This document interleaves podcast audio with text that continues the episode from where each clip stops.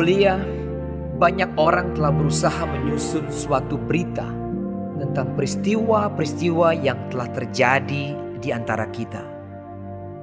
Seperti yang disampaikan kepada kita oleh mereka yang dari semula adalah saksi mata dan pelayan firman.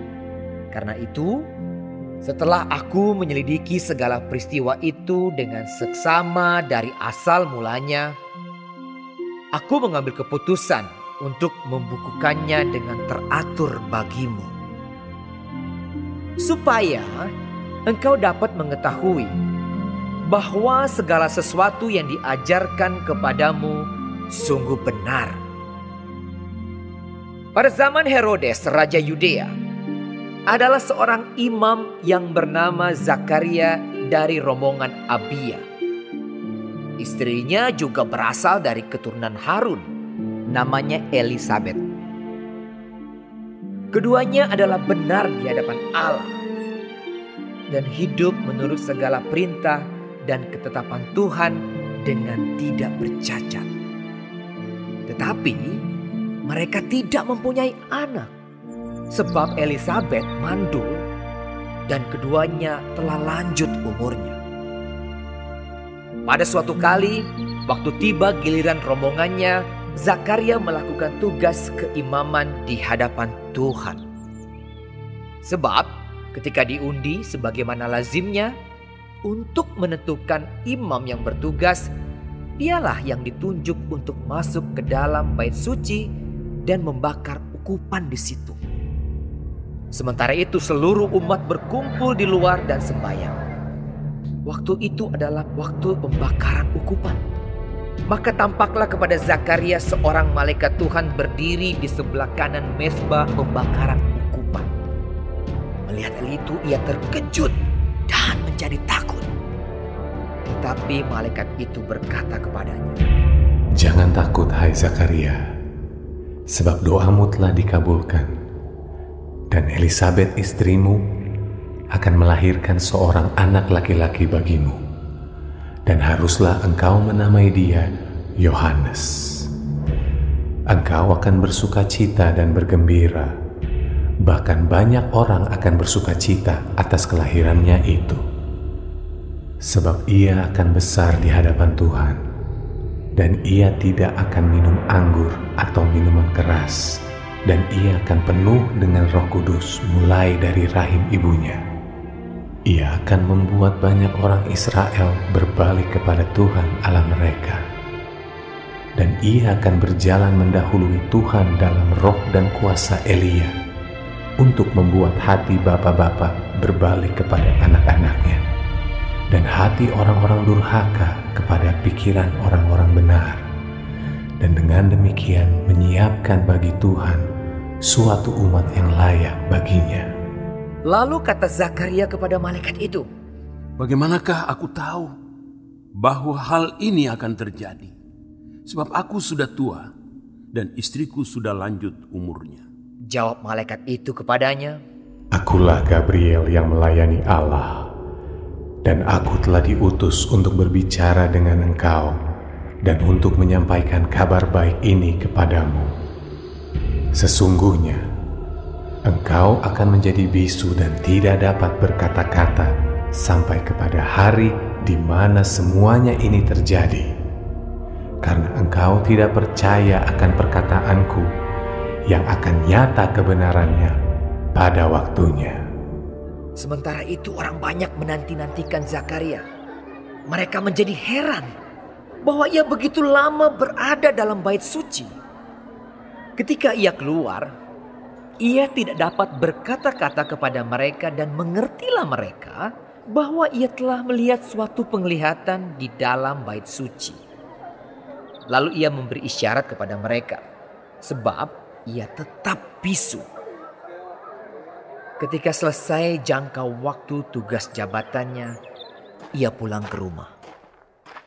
Beberapa lama kemudian Elizabeth istrinya mengandung dan selama lima bulan ia tidak menampakkan diri.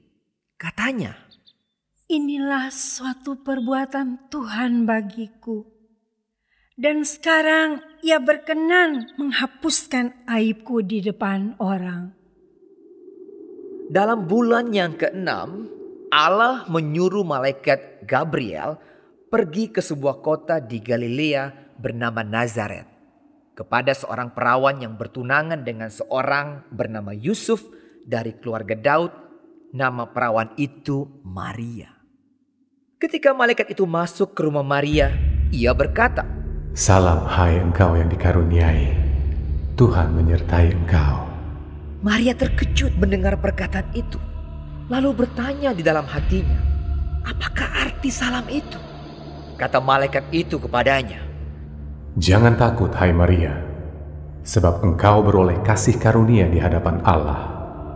Sesungguhnya engkau akan mengandung dan akan melahirkan seorang anak laki-laki, dan hendaklah engkau menamai dia Yesus. Ia akan menjadi besar dan akan disebut Anak Allah yang Maha Tinggi, dan Tuhan Allah akan mengaruniakan kepadanya tahta Daud, bapa leluhurnya, dan ia akan menjadi raja atas kaum keturunan Yakub sampai selama-lamanya, dan kerajaannya tidak akan berkesudahan. kata Maria kepada malaikat itu. Bagaimana hal itu mungkin terjadi? Karena aku belum bersuami. Jawab malaikat itu kepadanya.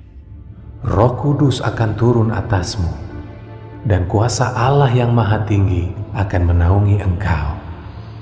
Sebab itu, anak yang akan kau lahirkan itu akan disebut kudus, Anak Allah. Dan sesungguhnya, Elisabeth sanakmu itu, ia pun sedang mengandung seorang anak laki-laki pada hari tuanya. Dan inilah bulan yang keenam bagi dia yang disebut mandul itu. Sebab bagi Allah tidak ada yang mustahil. Kata Maria, Sesungguhnya aku ini adalah hamba Tuhan. Jadilah padaku menurut perkataanmu itu. lalu malaikat itu meninggalkan dia. Beberapa waktu kemudian berangkatlah Maria dan langsung berjalan ke pegunungan menuju sebuah kota di Yehuda. Di situ ia masuk ke rumah Zakaria dan memberi salam kepada Elizabeth. Dan ketika Elizabeth mendengar salam Maria, melonjaklah anak yang di dalam rahimnya dan Elizabeth pun penuh dengan Roh Kudus. Lalu berseru dengan suara nyaring, Diberkatilah engkau di antara semua perempuan dan diberkatilah buah rahimmu. Siapakah aku ini sampai ibu Tuhanku datang mengunjungi aku? Sebab sesungguhnya ketika salammu sampai kepada telingaku, anak yang di dalam rahimku melonjak kegirangan. Dan berbahagialah ia yang telah percaya, sebab apa yang dikatakan kepadanya dari Tuhan akan terlaksana. Lalu kata Maria, Jiwaku memuliakan Tuhan, dan hatiku bergembira karena Allah, Juru Selamatku. Sebab ia telah memperhatikan kerendahan hambanya. Sesungguhnya mulai dari sekarang, segala keturunan akan menyebut aku berbahagia. Karena yang Maha Kuasa telah melakukan perbuatan-perbuatan besar kepadaku, dan namanya adalah kudus dan rahmatnya turun-temurun atas orang yang takut akan dia. Ia memperlihatkan kuasanya dengan perbuatan tangannya dan mencerai-beraikan orang-orang yang congkak hatinya. Ia menurunkan orang-orang yang berkuasa dari tahtanya dan meninggikan orang-orang yang rendah. Ia melimpahkan segala yang baik kepada orang yang lapar dan menyuruh orang yang kaya pergi dengan tangan hampa. Ia menolong Israel hambanya karena ia mengingat rahmatnya. Seperti yang dijanjikannya kepada nenek moyang kita, kepada Abraham dan keturunannya untuk selama-lamanya. Dan Maria tinggal kira-kira tiga bulan lamanya bersama dengan Elizabeth, lalu pulang kembali ke rumahnya.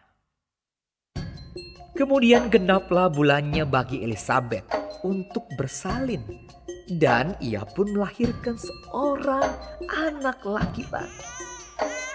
Ketika tetangga-tetangganya serta sanak saudaranya mendengar bahwa Tuhan telah menunjukkan rahmatnya yang begitu besar kepadanya. Bersukacitalah mereka bersama-sama dengan dia. Maka datanglah mereka pada hari yang ke-8 untuk menyunatkan anak itu dan mereka hendak menamai dia Zakaria menurut nama bapaknya. Tetapi ibunya berkata, Jangan, ia harus dinamai Yohanes. Kata mereka kepadanya, Tidak ada di antara sanak saudaramu yang bernama demikian.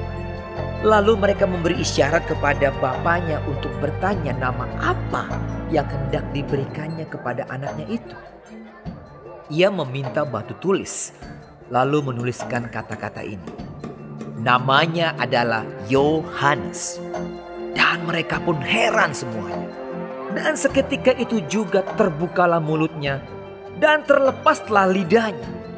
Lalu ia berkata-kata dan memuji Allah. Maka ketakutanlah semua orang yang tinggal di sekitarnya. Dan segala peristiwa itu menjadi buah tutur di seluruh pegunungan Judea. Dan semua orang yang mendengarnya merenungkannya dan berkata, Menjadi apakah anak ini nanti? Sebab tangan Tuhan menyertai dia. Dan Zakaria ayahnya penuh dengan roh kudus lalu bernubuat. Katanya, Terpujilah Tuhan Allah Israel. Sebab ia melawat umatnya dan membawa kelepasan baginya. Ia menumbuhkan sebuah tanduk keselamatan bagi kita di dalam keturunan Daud, hambanya itu. Seperti yang telah difirmankannya sejak purbakala oleh mulut nabi-nabinya yang kudus. Untuk melepaskan kita dari musuh-musuh kita. Dan dari tangan semua orang yang membenci kita. Untuk menunjukkan rahmatnya kepada nenek moyang kita. Dan mengingat akan perjanjiannya yang kudus. Yaitu sumpah yang diucapkannya kepada Abraham, bapa leluhur kita. Bahwa ia mengaruniai kita. Supaya kita terlepas dari tangan musuh. Dapat beribadah kepadanya tanpa takut dalam kekudusan dan kebenaran di hadapannya seumur hidup kita. Dan engkau, hai anakku, akan disebut Nabi Allah yang maha tinggi. Karena engkau akan berjalan mendahului Tuhan untuk mempersiapkan jalan baginya. Untuk memberikan kepada umatnya pengertian akan keselamatan yang berdasarkan pengampunan dosa-dosa mereka oleh rahmat dan belas kasihan dari Allah kita. Dengan mana ia akan melawat kita. Surya pagi dari tempat yang tinggi. Untuk menyinari mereka yang diam dalam kegelapan. Dan dalam naungan maut. Untuk mengarahkan kaki kita kepada jalan damai sejahtera. Adapun anak itu bertambah besar dan makin kuat rohnya. Dan ia tinggal di padang gurun sampai kepada hari ia harus menampakkan diri kepada Israel.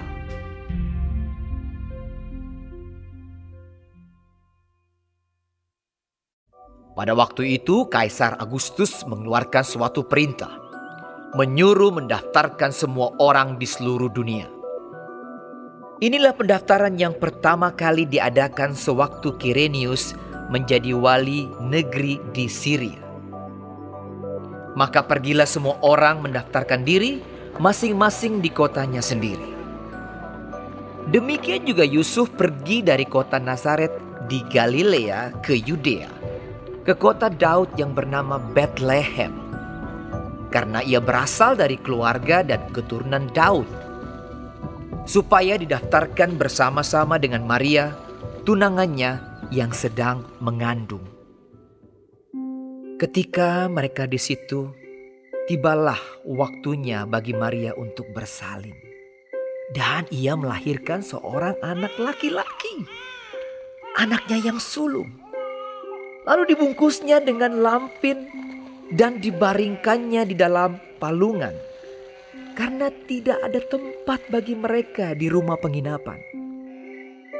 Di daerah itu ada gembala-gembala yang tinggal di padang menjaga kawanan ternak mereka pada waktu malam. Tiba-tiba berdirilah seorang malaikat Tuhan di dekat mereka dan kemuliaan Tuhan bersinar meliputi mereka dan mereka sangat ketakutan.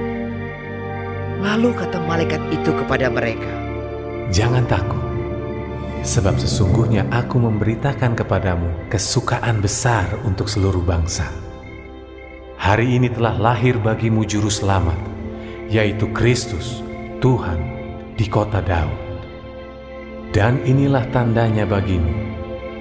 Kamu akan menjumpai seorang bayi dibungkus dengan lampin dan terbaring di dalam palungan.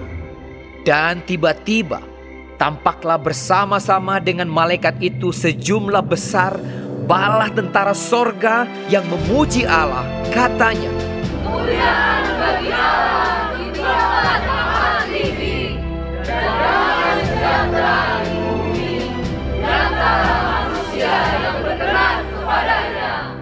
Setelah malaikat-malaikat itu meninggalkan mereka dan kembali ke sorga, gembala-gembala itu berkata seorang kepada yang lain, Marilah kita pergi ke Bethlehem untuk melihat apa yang terjadi di sana.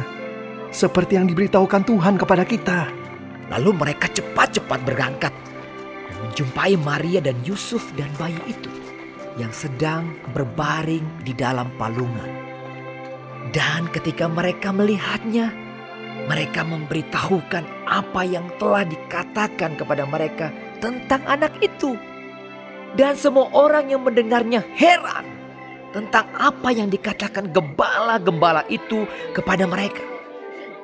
Tetapi Maria menyimpan segala perkara itu di dalam hatinya dan merenungkannya.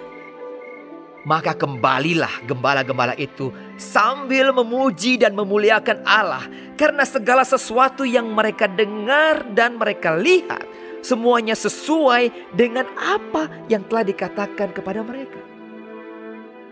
Dan ketika genap delapan hari dan ia harus disunatkan, ia diberi nama Yesus, yaitu nama yang disebut oleh malaikat sebelum ia dikandung ibunya.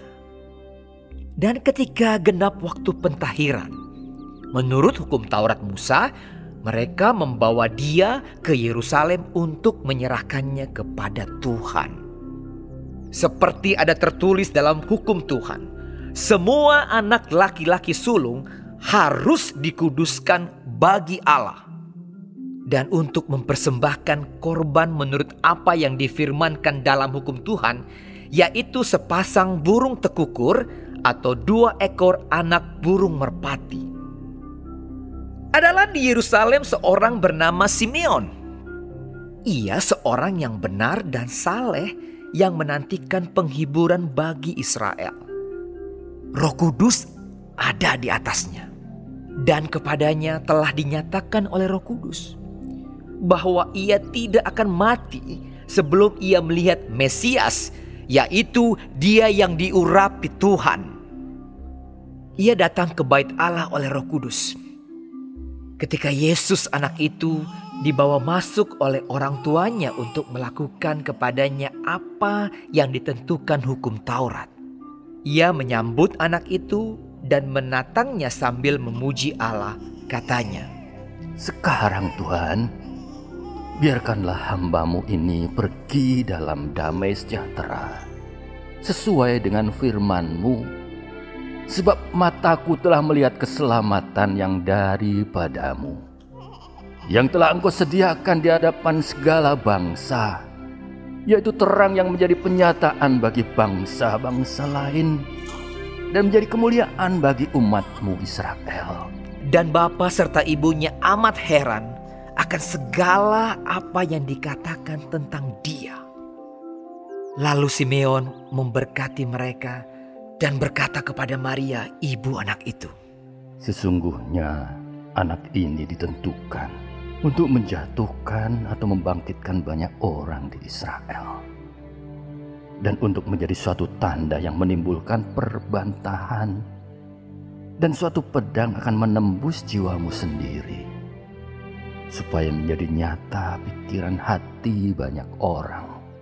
Lagi pula di situ ada Hana, seorang nabi perempuan, anak Fanuel dari suku Asher. Ia sudah sangat lanjut umurnya. Sesudah kawin ia hidup tujuh tahun lamanya bersama suaminya. Dan sekarang ia janda dan berumur 84 tahun. Ia tidak pernah meninggalkan bait Allah dan siang malam beribadah dengan berpuasa dan berdoa. Dan pada ketika itu juga datanglah ia ke situ dan mengucap syukur kepada Allah dan berbicara tentang anak itu kepada semua orang yang menantikan kelepasan untuk Yerusalem. Dan setelah selesai semua yang harus dilakukan menurut hukum Tuhan, kembalilah mereka ke kota kediamannya, yaitu kota Nazaret di Galilea. Anak itu bertambah besar dan menjadi kuat, penuh hikmat dan kasih karunia Allah ada padanya. Tiap-tiap tahun orang tua Yesus pergi ke Yerusalem pada hari raya Paskah. Ketika Yesus telah berumur 12 tahun, pergilah mereka ke Yerusalem seperti yang lazim pada hari raya itu. Sehabis hari-hari perayaan itu, ketika mereka berjalan pulang, tinggallah Yesus di Yerusalem tanpa diketahui orang tuanya. Karena mereka menyangka bahwa ia ada di antara orang-orang seperjalanan mereka. Berjalanlah mereka sehari perjalanan jauhnya, lalu mencari dia di antara kaum keluarga dan kenalan mereka. Karena mereka tidak menemukan dia, kembalilah mereka ke Yerusalem sambil terus mencari dia. Sesudah tiga hari mereka menemukan dia dalam bait Allah. Ia sedang duduk di tengah-tengah alim ulama sambil mendengarkan mereka dan mengajukan pertanyaan-pertanyaan kepada mereka. Dan semua orang yang mendengar dia sangat heran akan kecerdasannya dan segala jawab yang diberikannya. Dan ketika orang tuanya melihat dia, tercenganglah mereka. Lalu kata ibunya kepadanya, Nak, mengapakah engkau berbuat demikian terhadap kami? Bapamu dan aku dengan cemas mencari engkau. Jawabnya kepada mereka, Mengapa kamu mencari aku? Tidakkah kamu tahu bahwa aku harus berada di dalam rumah Bapakku? Tetapi mereka tidak mengerti apa yang dikatakannya kepada mereka. Lalu ia pulang bersama-sama mereka ke Nazaret dan ia tetap hidup dalam asuhan mereka. Dan ibunya menyimpan semua perkara itu di dalam hatinya. Dan Yesus makin bertambah besar dan bertambah hikmatnya dan besarnya dan makin dikasihi oleh Allah dan manusia.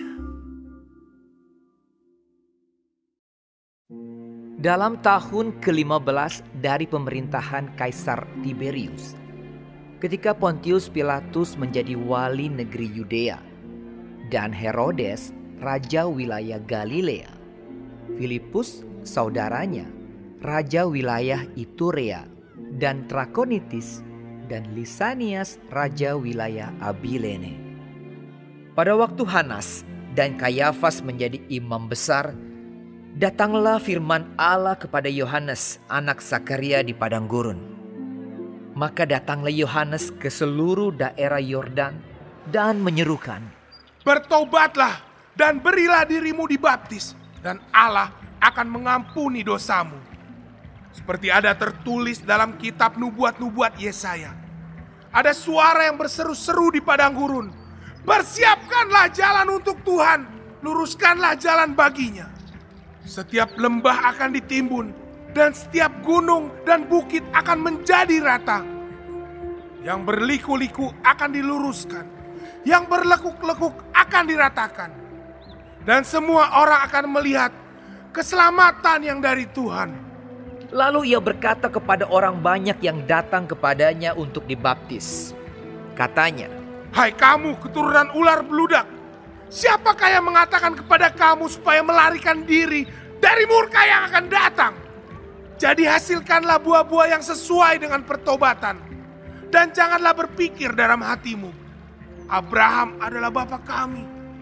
Karena aku berkata kepadamu, Allah dapat menjadikan anak-anak bagi Abraham dari batu-batu ini. Kapak sudah tersedia pada akar pohon, dan setiap pohon yang tidak menghasilkan buah yang baik akan ditebang dan dibuang ke dalam api. Orang banyak bertanya kepadanya. Jika demikian, apakah yang harus kami perbuat? Jawabnya, Barang siapa mempunyai dua helai baju, hendaklah ia membaginya dengan yang tidak punya. Dan barang siapa mempunyai makanan, hendaklah ia berbuat juga demikian. Ada datang juga pemungut-pemungut cukai untuk dibaptis dan mereka bertanya kepadanya. Guru, apakah yang harus kami perbuat? Jawabnya, Jangan menagih lebih banyak daripada yang telah ditentukan bagimu.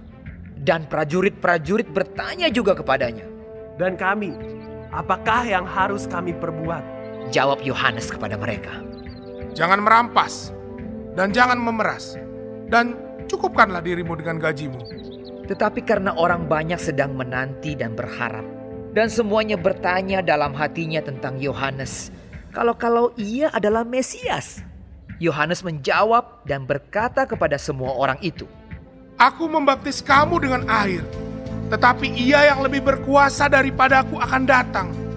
Dan membuka tali kasutnya pun aku tidak layak. Ia akan membaptis kamu dengan roh kudus dan dengan api. Alat penampi sudah di tangannya untuk membersihkan tempat pengirikannya dan untuk mengumpulkan gandumnya ke dalam lumbungnya. Tetapi debu jerami itu akan dibakarnya dalam api yang tidak terpadamkan. Dengan banyak nasihat lain, Yohanes memberitakan Injil kepada orang banyak. Akan tetapi setelah ia menegur raja wilayah Herodes karena peristiwa Herodias, istri saudaranya, dan karena segala kejahatan lain yang dilakukannya.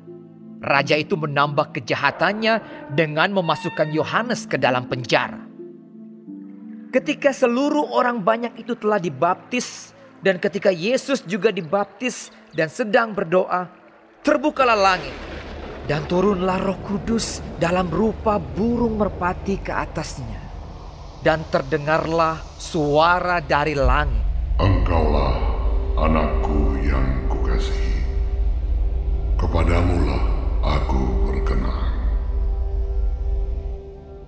Ketika Yesus memulai pekerjaannya, ia berumur kira-kira 30 tahun dan menurut anggapan orang, ia adalah anak Yusuf, anak Eli, anak Matat, anak Lewi, anak Maki, anak Yanai, anak Yusuf, anak Matika, anak Amos, anak Nahum, anak Hesli, anak Nagai, anak Maat, anak Matika, anak Simei, anak Yosek, anak Yoda, anak Yohanan, anak Reza, anak Zerubabel, anak Sealtiel, anak Neri, anak Malki, anak Adi, anak Kosam, anak Elmadam, anak Er, anak Yesua, anak Eliezer, anak Yorim, anak Matat, anak Lewi, anak Simeon, anak Yehuda, anak Yusuf, anak Yonam, anak Eliakim, anak Melea, anak Mina, anak Matata, anak Nathan, anak Daud, anak Isai, anak Obed, anak Boas, anak Salmon, anak Nahason, anak Aminadab, anak Admin, anak Arni, anak Hezron, anak Peres, anak Yehuda, anak Yakub, anak Ishak, anak Abraham, anak Tera, anak Nahor, anak Seruk, anak Rehu, anak Pelek, anak Eber, anak Salmon, anak Kenan, anak Arpaksad, anak Sem, anak Nuh, anak Lamek, anak Metusal, anak Henok, anak Yaret, anak Mahalalel, anak Kenan, anak Enos, anak Set, anak Adam, anak Allah. Yesus yang penuh dengan Roh Kudus kembali dari Sungai Yordan, lalu dibawa oleh Roh Kudus ke padang gurun. Di situ ia tinggal 40 hari lamanya dan dicobai iblis. Selama di situ ia tidak makan apa-apa dan sesudah waktu itu ia lapar. Lalu berkatalah iblis kepadanya, Jika engkau anak Allah, suruhlah batu ini menjadi roti. Jawab Yesus kepadanya, Ada tertulis, manusia hidup bukan dari roti saja. Kemudian ia membawa Yesus ke suatu tempat yang tinggi dan dalam sekejap mata ia memperlihatkan kepadanya semua kerajaan dunia. Kata iblis kepadanya, Segala kuasa itu serta kemuliaannya akan kuberikan kepadamu sebab semuanya telah diserahkan kepadaku dan aku memberikannya kepada siapa saja yang ku kehendaki. Jadi jikalau engkau menyembah aku, seluruhnya itu akan menjadi milikmu. Tetapi Yesus berkata kepadanya, Ada tertulis, engkau harus menyembah Tuhan Allahmu, dan hanya kepada dia sajalah engkau berbakti. Kemudian ia membawa Yesus ke Yerusalem dan menempatkan dia di bubungan bait Allah. Lalu berkata kepadanya, Jika engkau anak Allah, jatuhkanlah dirimu dari sini ke bawah, sebab ada tertulis mengenai engkau. Ia akan memerintahkan malaikat-malaikatnya untuk melindungi engkau, dan mereka akan menatang engkau di atas tangannya, supaya kakimu jangan terantuk kepada batu. Yesus menjawabnya, katanya, Ada firman, jangan engkau mencobai Tuhan Allahmu. Sesudah iblis mengakhiri semua pencobaan itu, ia mundur daripadanya dan menunggu waktu yang baik. Dalam kuasa roh kembalilah Yesus ke Galilea. Dan tersiarlah kabar tentang dia di seluruh daerah itu. Sementara itu ia mengajar di rumah-rumah ibadat di situ dan semua orang memuji dia. Ia datang ke Nazaret, tempat ia dibesarkan. Dan menurut kebiasaannya pada hari sabat ia masuk ke rumah ibadat lalu berdiri hendak membaca dari Alkitab. Kepadanya diberikan kitab Nabi Yesaya. Dan setelah dibukanya ia menemukan nas di mana ada tertulis Roh Tuhan ada padaku. Oleh sebab ia telah mengurapi aku. Untuk menyampaikan kabar baik kepada orang-orang miskin. Dan ia telah mengutus aku untuk memberitakan pembebasan kepada orang-orang tawanan. Dan penglihatan bagi orang-orang buta, untuk membebaskan orang-orang yang tertindas, untuk memberitakan tahun rahmat Tuhan telah datang. Kemudian ia menutup kitab itu, memberikannya kembali kepada pejabat, lalu duduk dan mata semua orang dalam rumah ibadat itu tertuju kepadanya. Lalu ia memulai mengajar mereka, katanya, Pada hari ini genaplah nas ini sewaktu kamu mendengarnya. Dan semua orang itu membenarkan dia dan mereka heran akan kata-kata yang indah yang diucapkannya. Lalu kata mereka, Bukankah ia ini anak Yusuf? Maka berkatalah ia kepada mereka, Tentu kamu akan mengatakan pepatah ini kepadaku. Hai tabib, sembuhkanlah dirimu sendiri. Perbuatlah di sini juga, di tempat asalmu ini, segala yang kami dengar yang telah terjadi di Kapernaum. Dan katanya lagi, Aku berkata kepadamu, sesungguhnya tidak ada nabi yang dihargai di tempat asalnya.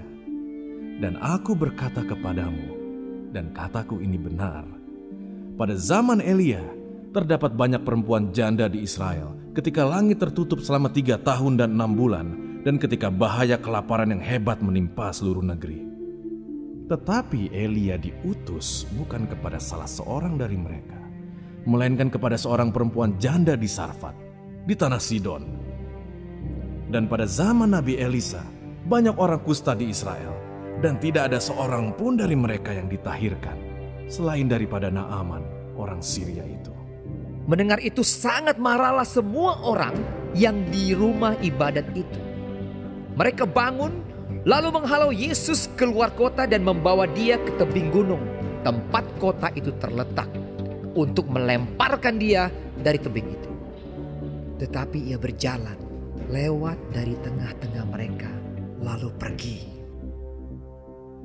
Kemudian Yesus pergi ke Kapernaum, sebuah kota di Galilea, lalu mengajar di situ pada hari-hari Sabat. Mereka takjub mendengar pengajarannya, sebab perkataannya penuh kuasa.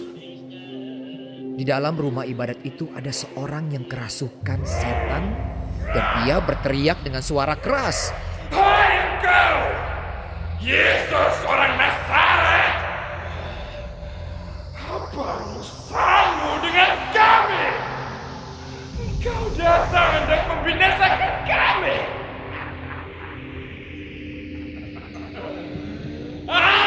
Aku tahu siapa engkau. Yang kudus dari Allah. Tetapi Yesus menghardiknya, katanya. Diam, keluarlah daripadanya. Dan setan itu pun menghempaskan orang itu ke tengah-tengah orang banyak. Lalu keluar daripadanya dan sama sekali tidak menyakitinya. Dan semua orang takjub. Lalu berkata seorang kepada yang lain, katanya. Alangkah hebatnya perkataan ini.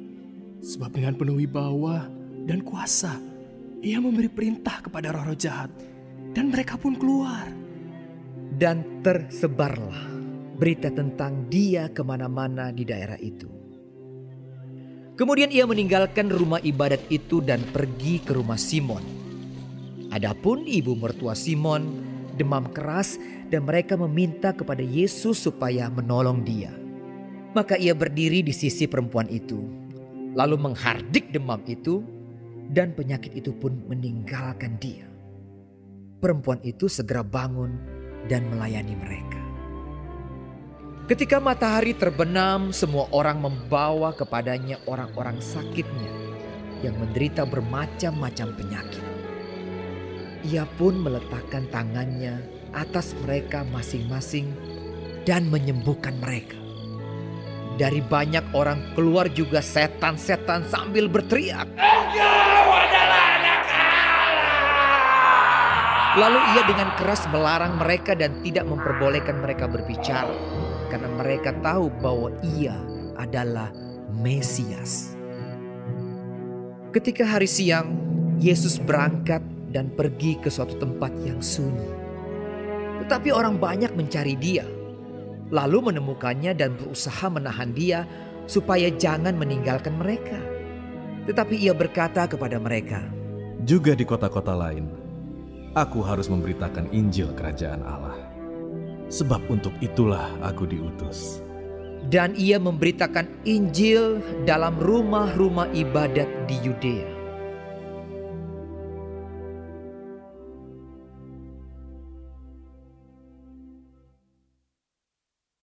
Pada suatu kali Yesus berdiri di pantai danau Genesaret, sedang orang banyak mengerumuni dia hendak mendengarkan firman Allah.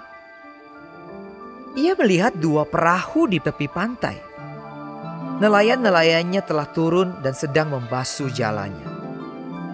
Ia naik ke dalam salah satu perahu itu, yaitu perahu Simon, dan menyuruh dia supaya menolakkan perahunya sedikit jauh dari pantai. Lalu ia duduk dan mengajar orang banyak dari atas perahu.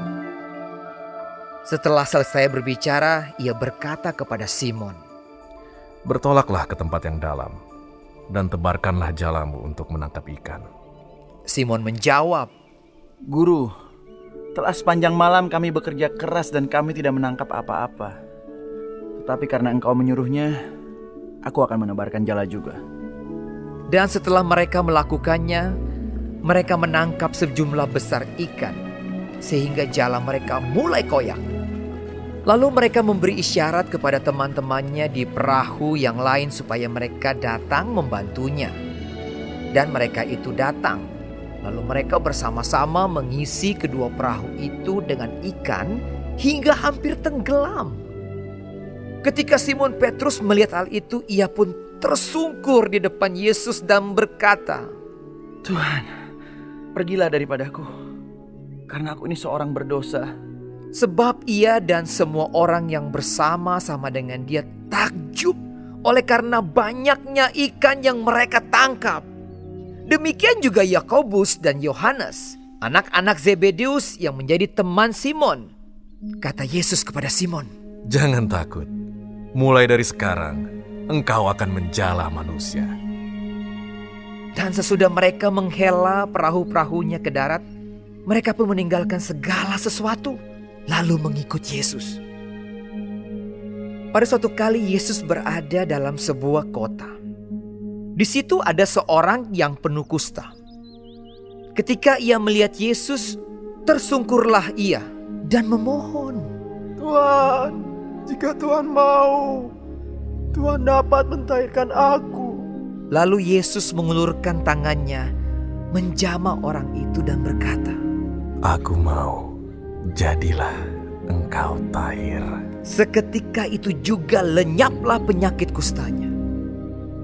Yesus melarang orang itu memberitahukannya kepada siapa pun juga dan berkata, Pergilah, perlihatkanlah dirimu kepada imam, dan persembahkanlah untuk pentahiranmu persembahan seperti yang diperintahkan Musa, sebagai bukti bagi mereka.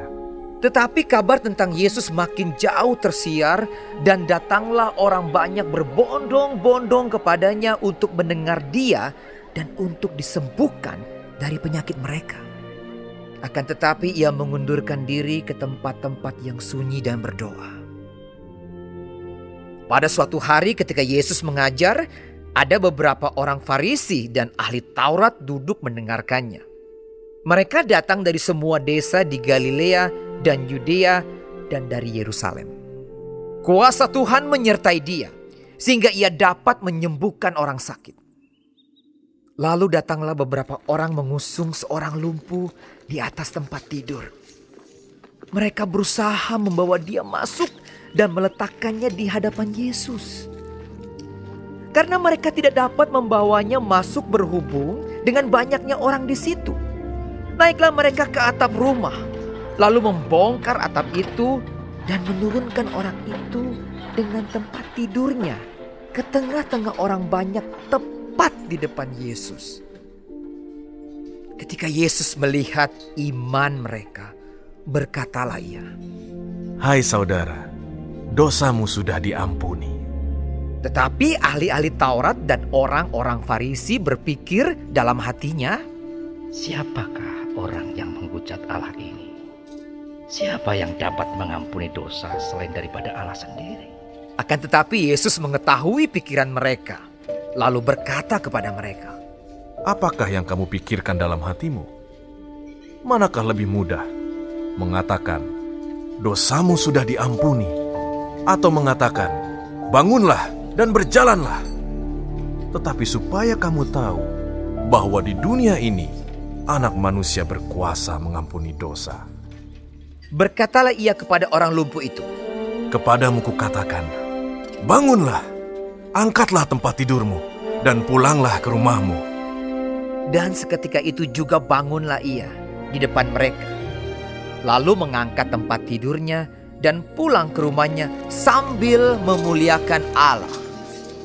Semua orang itu takjub, lalu memuliakan Allah, dan mereka sangat takut. Katanya, "Hari ini kami telah menyaksikan hal-hal yang sangat mengherankan." Kemudian ketika Yesus pergi keluar, ia melihat seorang pemungut cukai yang bernama Lewi sedang duduk di rumah cukai. Yesus berkata kepadanya, Ikutlah aku. Maka berdirilah Lewi dan meninggalkan segala sesuatu, lalu mengikut dia. Dan Lewi mengadakan suatu perjamuan besar untuk dia di rumahnya dan sejumlah besar pemungut cukai dan orang-orang lain turut makan bersama-sama dengan dia. Orang-orang Farisi dan ahli-ahli Taurat bersungut-sungut kepada murid-murid Yesus. Katanya, Mengapa kamu makan dan minum bersama-sama dengan pemungut cukai dan orang berdosa? Lalu jawab Yesus kepada mereka, katanya, Bukan orang sehat yang memerlukan tabib, tetapi orang sakit. Aku datang bukan untuk memanggil orang benar, tetapi orang berdosa, supaya mereka bertobat. Orang-orang Farisi itu berkata pula kepada Yesus, Murid-murid Yohanes sering berpuasa dan sembayang. Demikian juga murid-murid orang Farisi. Tetapi murid-muridmu makan dan minum. Jawab Yesus kepada mereka, Dapatkah sahabat mempelai laki-laki disuruh berpuasa, sedang mempelai itu bersama mereka? Tetapi akan datang waktunya, apabila mempelai itu diambil dari mereka. Pada waktu itulah mereka akan berpuasa. Ia mengatakan juga suatu perumpamaan kepada mereka. Tidak seorang pun mengoyakkan secari kain dari baju yang baru untuk menambalkannya pada baju yang tua. Jika demikian, yang baru itu juga akan koyak, dan pada yang tua itu tidak akan cocok kain penambal yang dikoyakan dari yang baru itu. Demikian juga tidak seorang pun mengisikan anggur yang baru ke dalam kantong kulit yang tua, karena jika demikian, anggur yang baru itu akan mengoyakkan kantong itu, dan anggur itu akan terbuang, dan kantong itu pun hancur. Tetapi anggur yang baru harus disimpan dalam kantong yang baru pula.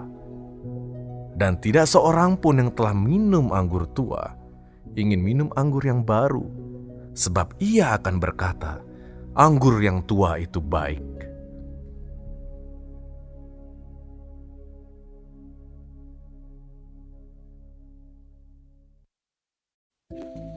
Pada suatu hari Sabat, ketika Yesus berjalan di ladang gandum, murid-muridnya memetik bulir gandum dan memakannya, sementara mereka menggisarnya dengan tangannya. Tetapi beberapa orang Farisi berkata, Mengapa kamu berbuat sesuatu yang tidak diperbolehkan pada hari Sabat? Lalu Yesus menjawab mereka, Tidakkah kamu baca apa yang dilakukan oleh Daud ketika ia dan mereka yang mengikutinya lapar? Bagaimana ia masuk ke dalam rumah Allah dan mengambil roti sajian, lalu memakannya dan memberikannya kepada pengikut-pengikutnya. Padahal roti itu tidak boleh dimakan kecuali oleh imam-imam. Kata Yesus lagi kepada mereka, Anak manusia adalah Tuhan atas hari Sabat. Pada suatu hari Sabat lain, Yesus masuk ke rumah ibadat lalu mengajar. Di situ ada seorang yang mati tangan kanannya. Ahli-ahli Taurat dan orang-orang Farisi mengamat amati Yesus. Kalau-kalau ia menyembuhkan orang pada hari Sabat, supaya mereka dapat alasan untuk mempersalahkan dia. Tetapi ia mengetahui pikiran mereka, lalu berkata kepada orang yang mati tangannya itu, "Bangunlah dan berdirilah di tengah." Maka bangunlah orang itu dan berdiri. Lalu Yesus berkata kepada mereka, Aku bertanya kepada kamu, manakah yang diperbolehkan pada hari Sabat? Berbuat baik atau berbuat jahat? Menyelamatkan nyawa orang atau membinasakannya? Sesudah itu ia memandang keliling kepada mereka semua, lalu berkata kepada orang sakit itu, "Ulurkanlah tanganmu." Orang itu berbuat demikian dan sembuhlah tangannya. Maka meluaplah amarah mereka, lalu mereka berunding. Apakah yang akan mereka lakukan terhadap Yesus? Pada waktu itu pergilah Yesus ke bukit untuk berdoa dan semalam-malaman ia berdoa kepada Allah. Ketika hari siang ia memanggil murid-muridnya kepadanya lalu memilih dari antara mereka dua belas orang yang disebutnya rasul. Simon yang juga diberinya nama Petrus dan Andreas saudara Simon, Yakobus dan Yohanes, Filipus dan Bartolomeus, Matius dan Thomas, Yakobus anak Alfeus, dan Simon yang disebut orang Zelot. Yudas anak Yakobus dan Yudas Iskariot yang kemudian menjadi pengkhianat. Lalu ia turun dengan mereka dan berhenti pada suatu tempat yang datar. Di situ berkumpul sejumlah besar dari murid-muridnya dan banyak orang lain yang datang dari seluruh Yudea dan dari Yerusalem dan dari daerah pantai Tirus dan Sidon. Mereka datang untuk mendengarkan dia dan untuk disembuhkan dari penyakit mereka. Juga mereka yang dirasuk oleh roh-roh jahat beroleh kesembuhan. Dan semua orang banyak itu berusaha menjamah dia karena ada kuasa yang keluar daripadanya dan semua orang itu disembuhkannya.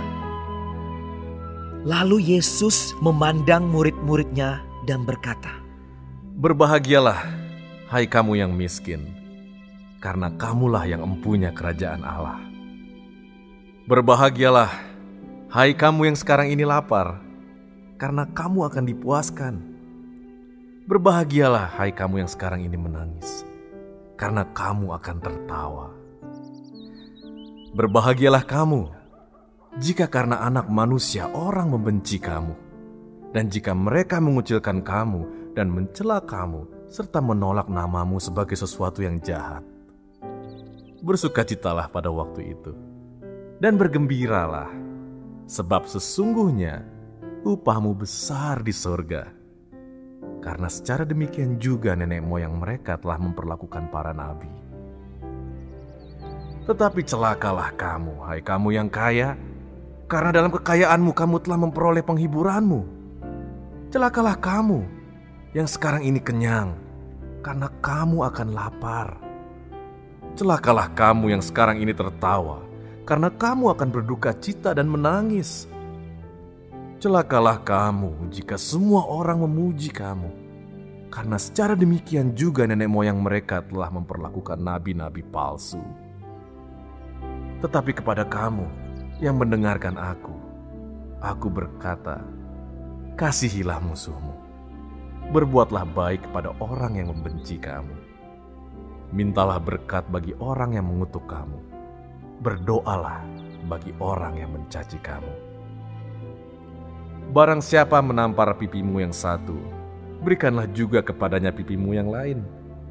Dan barang siapa yang mengambil jubahmu, biarkan juga ia mengambil bajumu. Berilah kepada setiap orang yang meminta kepadamu, dan janganlah meminta kembali kepada orang yang mengambil kepunyaanmu. Dan sebagaimana kamu kehendaki supaya orang perbuat kepadamu, perbuatlah juga demikian kepada mereka. Dan jikalau kamu mengasihi orang yang mengasihi kamu, apakah jasamu? Karena orang-orang berdosa pun mengasihi juga orang-orang yang mengasihi mereka. Sebab jikalau kamu berbuat baik kepada orang yang berbuat baik kepada kamu, apakah jasamu? Orang-orang berdosa pun berbuat demikian. Dan jikalau kamu meminjamkan sesuatu kepada orang, karena kamu berharap akan menerima sesuatu daripadanya. Apakah jasamu? Orang-orang berdosa pun meminjamkan kepada orang-orang berdosa supaya mereka menerima kembali sama banyak. Tetapi kamu, kasihilah musuhmu dan berbuatlah baik kepada mereka dan pinjamkan dengan tidak mengharapkan balasan. Maka upahmu akan besar dan kamu akan menjadi anak-anak Allah yang Maha Tinggi, sebab Ia baik terhadap orang-orang yang tidak tahu berterima kasih dan terhadap orang-orang jahat. Hendaklah kamu murah hati, sama seperti Bapamu adalah murah hati. Janganlah kamu menghakimi, maka kamu pun tidak akan dihakimi. Dan janganlah kamu menghukum, maka kamu pun tidak akan dihukum. Ampunilah, dan kamu akan diampuni. Berilah, dan kamu akan diberi. Suatu takaran yang baik, yang dipadatkan, yang digoncang, dan yang tumpah keluar akan dicurahkan ke dalam ribaanmu. Sebab ukuran yang kamu pakai untuk mengukur akan diukurkan kepadamu. Yesus mengatakan pula suatu perumpamaan kepada mereka. Dapatkah orang buta menuntun orang buta? Bukankah keduanya akan jatuh ke dalam lubang? Seorang murid tidak lebih daripada gurunya. Tetapi barang siapa yang telah tamat pelajarannya akan sama dengan gurunya. Mengapakah engkau melihat selumbar di dalam mata saudaramu, sedangkan balok di dalam matamu sendiri tidak engkau ketahui? Bagaimanakah engkau dapat berkata kepada saudaramu, "Saudara, biarlah aku mengeluarkan selumbar yang ada di dalam matamu," padahal balok yang di dalam matamu tidak engkau lihat? Hai orang munafik, keluarkanlah dahulu balok dari matamu, maka engkau akan melihat dengan jelas untuk mengeluarkan selumbar itu dari mata saudaramu. Karena tidak ada pohon yang baik yang menghasilkan buah yang tidak baik, dan juga tidak ada pohon yang tidak baik yang menghasilkan buah yang baik. Sebab setiap pohon dikenal pada buahnya. Karena dari semak duri, orang tidak memetik buah ara, dan dari duri-duri tidak memetik buah anggur. Orang yang baik mengeluarkan barang yang baik dari perbendaharaan hatinya yang baik, dan orang yang jahat mengeluarkan barang yang jahat dari perbendaharaannya yang jahat. Karena yang diucapkan mulutnya meluap dari hatinya. Mengapa kamu berseru kepadaku, Tuhan, Tuhan, padahal kamu tidak melakukan apa yang aku katakan? Setiap orang yang datang kepadaku dan mendengarkan perkataanku serta melakukannya, aku akan menyatakan kepadamu dengan siapa ia dapat disamakan. Ia sama dengan seorang yang mendirikan rumah. Orang itu menggali dalam-dalam dan meletakkan dasarnya di atas batu. Ketika datang air bah dan banjir melanda rumah itu, rumah itu tidak dapat digoyahkan karena rumah itu kokoh dibangun. Akan tetapi barang siapa mendengar perkataanku, tetapi tidak melakukannya, ia sama dengan seorang yang mendirikan rumah di atas tanah tanpa dasar. Ketika banjir melandanya, rumah itu segera rubuh dan hebatlah kerusakannya.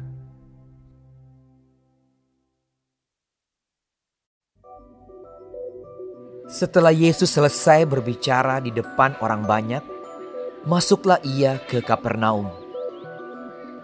Di situ ada seorang perwira yang mempunyai seorang hamba yang sangat dihargainya. Hamba itu sedang sakit keras dan hampir mati. Ketika perwira itu mendengar tentang Yesus, ia menyuruh beberapa orang tua-tua Yahudi kepadanya untuk meminta supaya ia datang dan menyembuhkan hambanya. Mereka datang kepada Yesus dan dengan sangat mereka meminta pertolongannya katanya. Ia layak kau tolong, sebab ia mengasihi bangsa kita dan dialah yang menanggung pembangunan rumah ibadat kami. Lalu Yesus pergi bersama-sama dengan mereka. Ketika ia tidak jauh lagi dari rumah perwira itu, perwira itu menyuruh sahabat-sahabatnya untuk mengatakan kepadanya, Tuan, janganlah bersusah-susah, sebab aku tidak layak menerima Tuhan di dalam rumahku. Sebab itu aku juga menganggap diriku tidak layak untuk datang kepadamu. Tetapi katakan saja sepatah kata, maka hambaku itu akan sembuh. Sebab aku sendiri seorang bawahan, dan di bawahku ada pula prajurit. Jika aku berkata kepada salah seorang prajurit itu, pergi, maka ia pergi. Dan kepada seorang lagi, datang, maka ia datang. Ataupun kepada hambaku, kerjakanlah ini, maka ia mengerjakannya. Setelah Yesus mendengar perkataan itu, ia heran akan dia.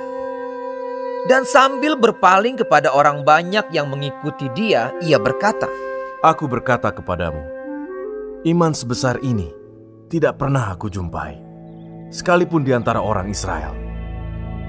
Dan setelah orang-orang yang disuruh itu kembali ke rumah, didapatinya lah hamba itu telah sehat kembali. Kemudian Yesus pergi ke suatu kota yang bernama Nain. Murid-muridnya pergi bersama-sama dengan dia dan juga orang banyak menyertainya berbondong-bondong. Setelah ia dekat pintu gerbang kota, ada orang mati diusung keluar. Anak laki-laki, anak tunggal ibunya yang sudah janda, dan banyak orang dari kota itu menyertai janda itu. Dan ketika Tuhan melihat janda itu, tergeraklah hatinya oleh belas kasihan, lalu ia berkata kepadanya, Jangan menangis. Sambil menghampiri usungan itu, ia menyentuhnya. Dan sedang para pengusung berhenti, ia berkata, Hai anak muda, aku berkata kepadamu, bangkitlah. Maka bangunlah orang itu dan duduk dan mulai berkata-kata. Dan Yesus menyerahkannya kepada ibunya. Semua orang itu ketakutan dan mereka memuliakan Allah sambil berkata, Seorang nabi besar telah muncul di tengah-tengah kita dan Allah telah melawat umatnya. Maka tersiarlah kabar tentang Yesus di seluruh Yudea dan di seluruh daerah sekitarnya.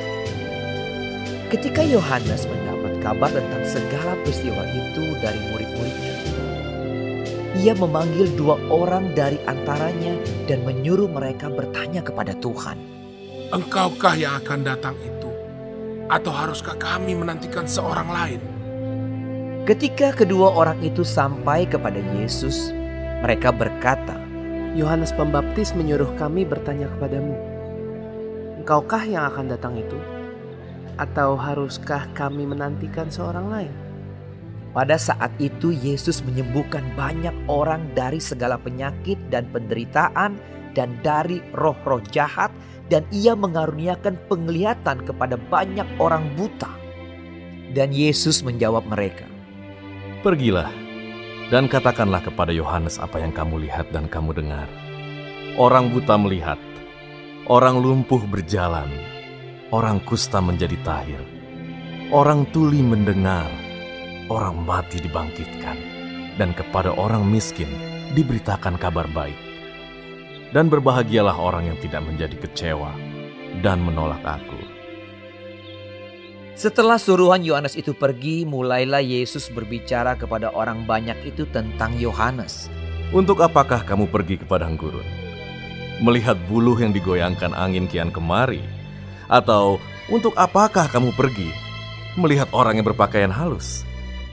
Orang yang berpakaian indah dan yang hidup mewah, tempatnya di istana raja. Jadi untuk apakah kamu pergi? Melihat nabi?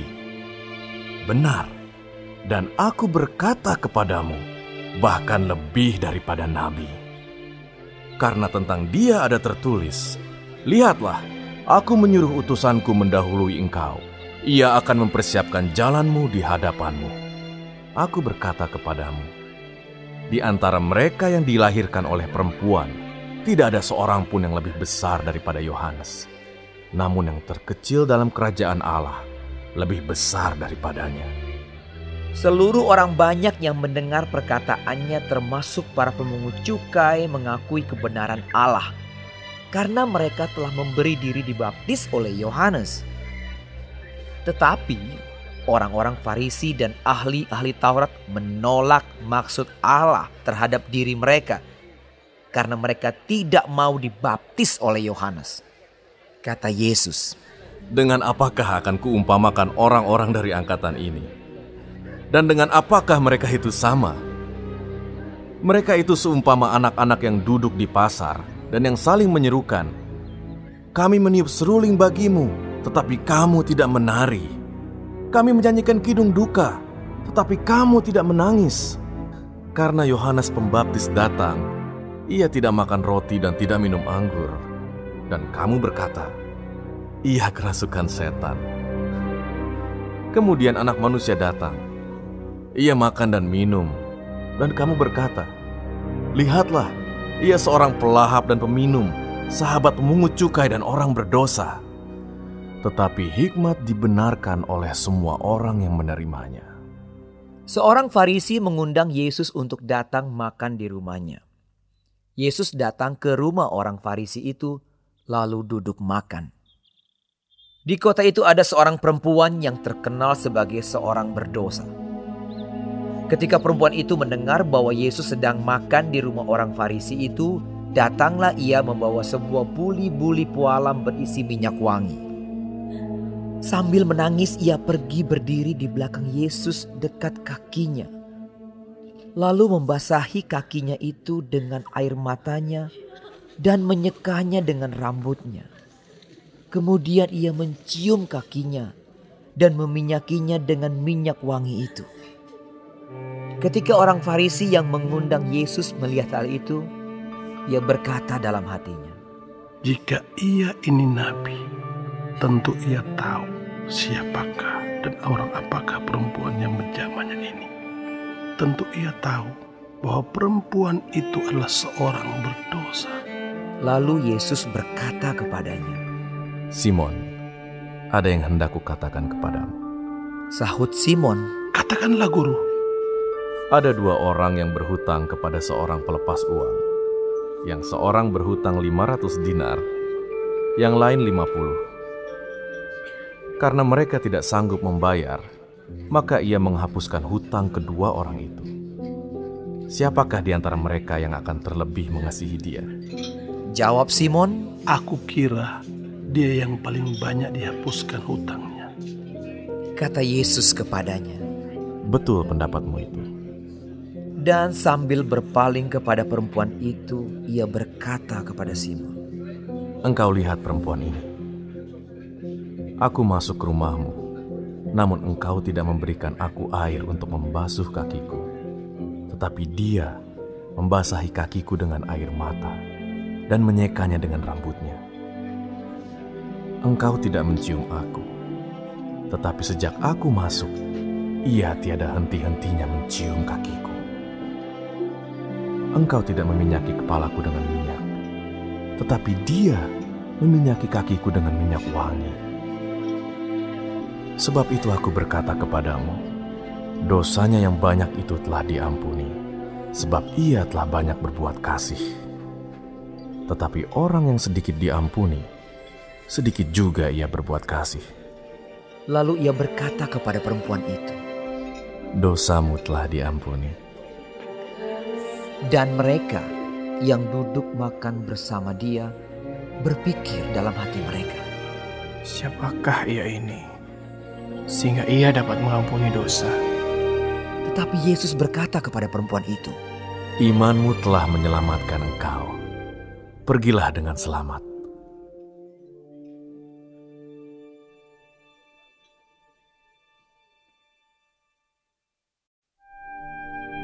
Tidak lama sesudah itu Yesus berjalan berkeliling dari kota ke kota dan dari desa ke desa memberitakan Injil kerajaan Allah.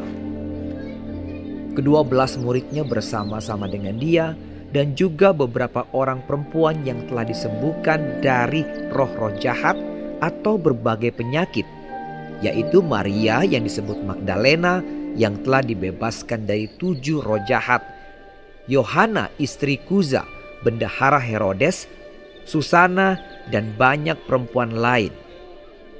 Perempuan-perempuan ini melayani rombongan itu dengan kekayaan mereka.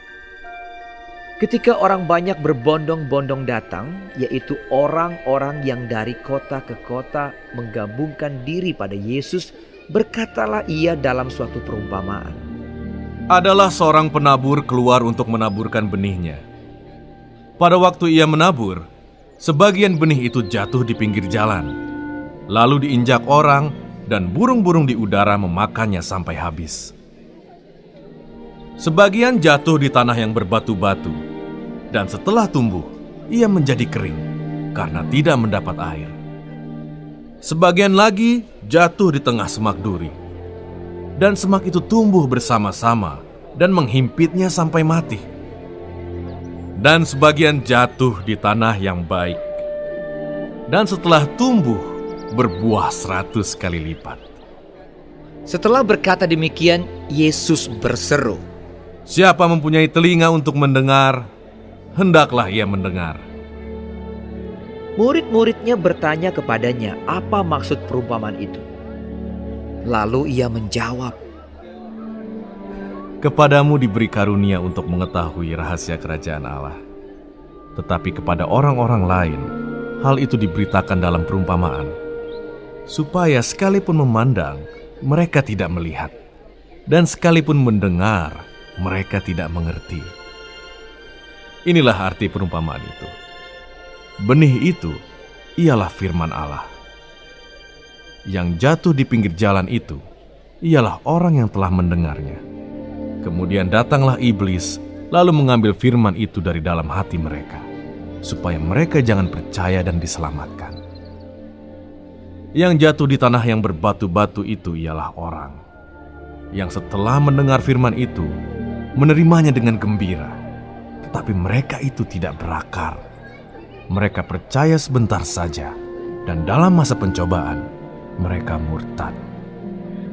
Yang jatuh dalam semak duri ialah orang yang telah mendengar firman itu, dan dalam pertumbuhan selanjutnya mereka terhimpit oleh kekhawatiran dan kekayaan dan kenikmatan hidup, sehingga mereka tidak menghasilkan buah yang matang.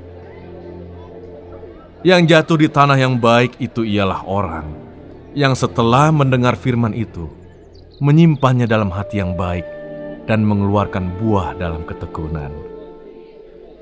Tidak ada orang yang menyalakan pelita, lalu menutupinya dengan tempayan atau menempatkannya di bawah tempat tidur. Tetapi ia menempatkannya di atas kaki Dian, supaya semua orang yang masuk ke dalam rumah dapat melihat cahayanya. Sebab tidak ada sesuatu yang tersembunyi yang tidak akan dinyatakan, dan tidak ada sesuatu yang rahasia yang tidak akan diketahui dan diumumkan. Karena itu, perhatikanlah cara kamu mendengar, karena siapa yang mempunyai, kepadanya akan diberi, tetapi siapa yang tidak mempunyai, daripadanya akan diambil juga apa yang ia anggap ada padanya. Ibu dan saudara-saudara Yesus datang kepadanya, tetapi mereka tidak dapat mencapai Dia karena orang banyak. Orang memberitahukan kepadanya, Ibumu dan saudara-saudaramu ada di luar dan ingin bertemu dengan engkau. tetapi Ia menjawab mereka, Ibuku dan saudara-saudaraku ialah mereka yang mendengarkan firman Allah dan melakukannya.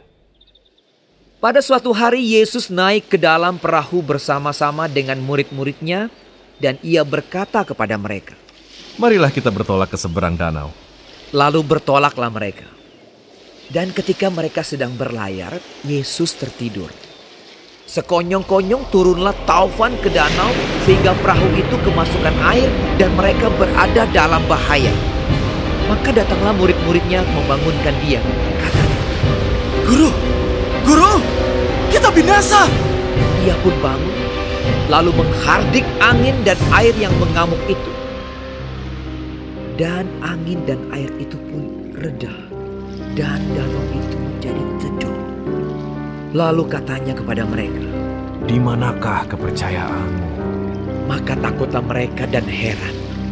Lalu berkata seorang kepada yang lain, Siapa gerangan orang ini?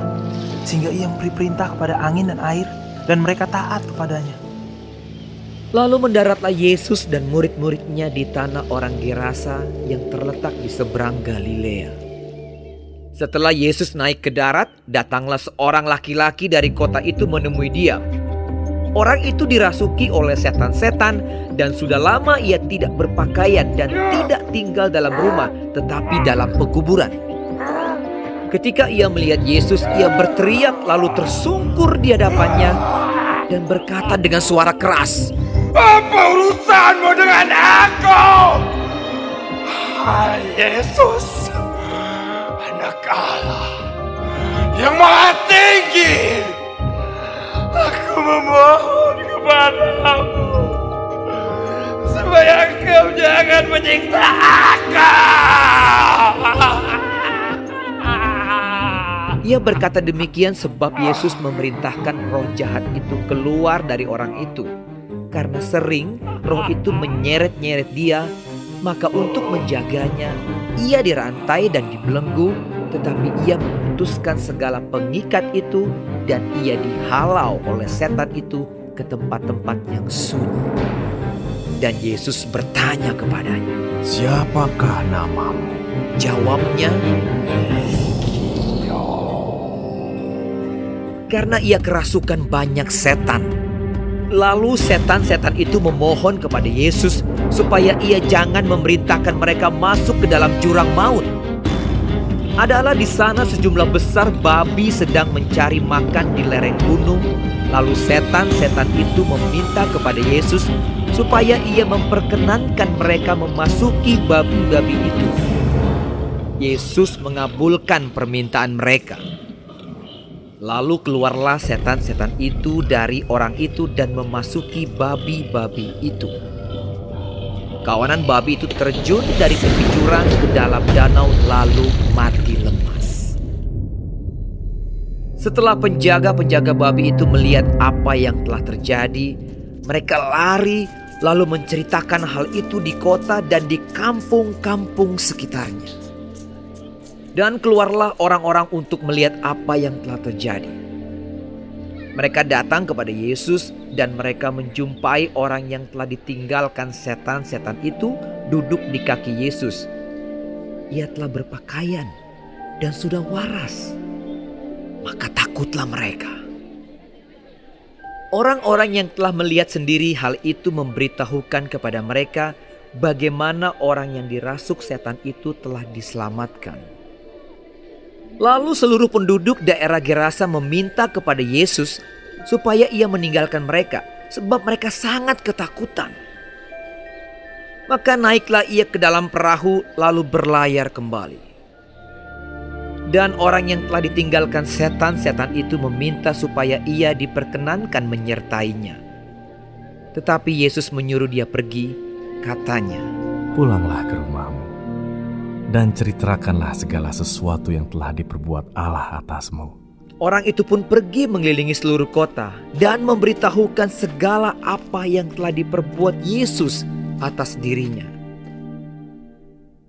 Ketika Yesus kembali, orang banyak menyambut Dia sebab mereka semua menanti-nantikan Dia. Maka datanglah seorang yang bernama Yairus. Ia adalah kepala rumah ibadat. Sambil tersungkur di depan kaki Yesus, ia memohon kepadanya supaya Yesus datang ke rumahnya. Karena anaknya perempuan yang satu-satunya yang berumur kira-kira 12 tahun hampir mati. Dalam perjalanan ke situ, Yesus didesak-desak orang banyak. Adalah seorang perempuan yang sudah 12 tahun menderita pendarahan dan yang tidak berhasil disembuhkan oleh siapa pun.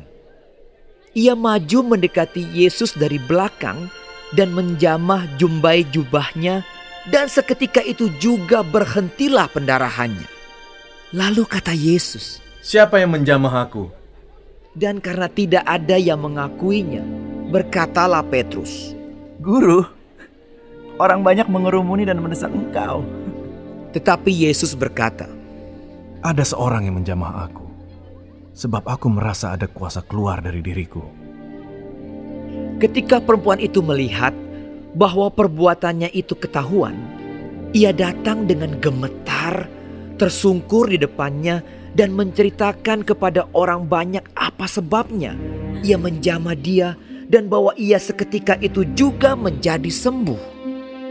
Maka katanya kepada perempuan itu, "Hai anakku, imanmu telah menyelamatkan engkau. Pergilah dengan selamat. Ketika Yesus masih berbicara, datanglah seorang dari keluarga kepala rumah ibadat itu dan berkata, Anakmu sudah mati, jangan lagi engkau menyusah-nyusahkan guru. Tetapi Yesus mendengarnya dan berkata kepada Yairus, Jangan takut, percaya saja, dan anakmu akan selamat. Setibanya di rumah Yairus, Yesus tidak memperbolehkan seorang pun ikut masuk dengan dia, kecuali Petrus, Yohanes, dan Yakobus, dan ayah anak itu serta ibunya. Semua orang menangis dan meratapi anak itu. Akan tetapi Yesus berkata, "Jangan menangis. Ia tidak mati, tetapi tidur." Mereka menertawakan dia karena mereka tahu bahwa anak itu telah mati. Lalu Yesus memegang tangan anak itu dan berseru, katanya, "Hai anak, bangunlah." Maka kembalilah roh anak itu, dan seketika itu juga ia bangkit berdiri. Lalu Yesus menyuruh mereka memberi anak itu makan. Dan takjublah orang tua anak itu. Tetapi Yesus melarang mereka memberitahukan kepada siapa pun juga apa yang terjadi itu.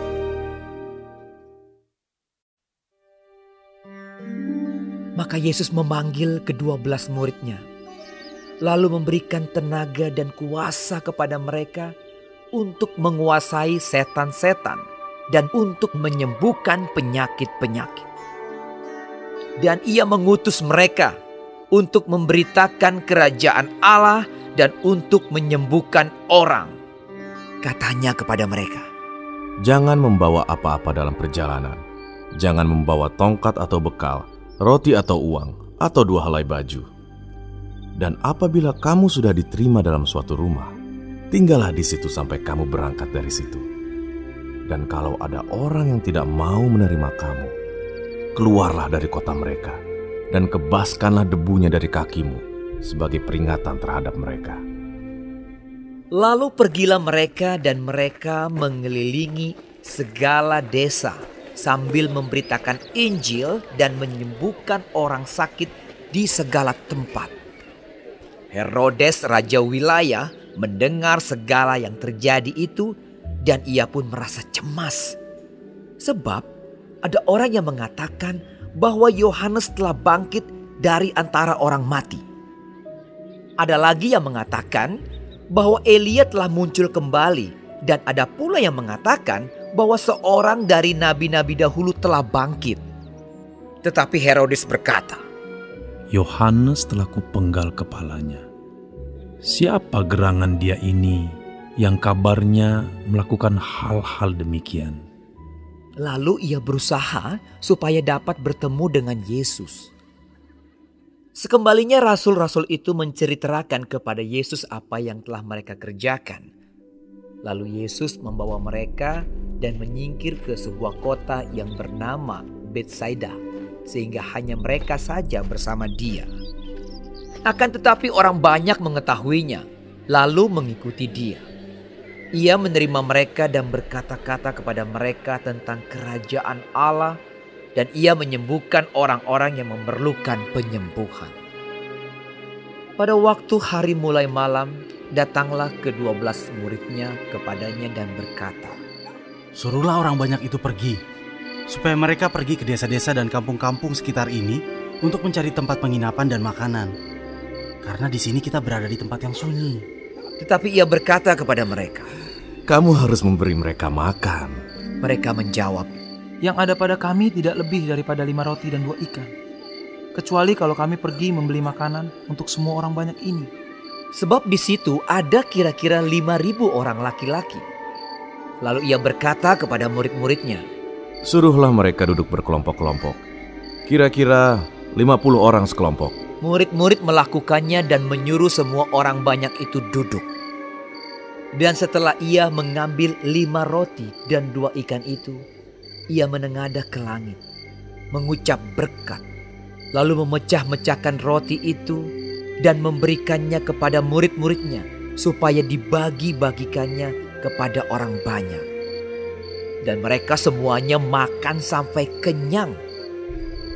Kemudian dikumpulkan potongan-potongan roti yang sisa sebanyak 12 bakul. Pada suatu kali ketika Yesus berdoa seorang diri, datanglah murid-muridnya kepadanya.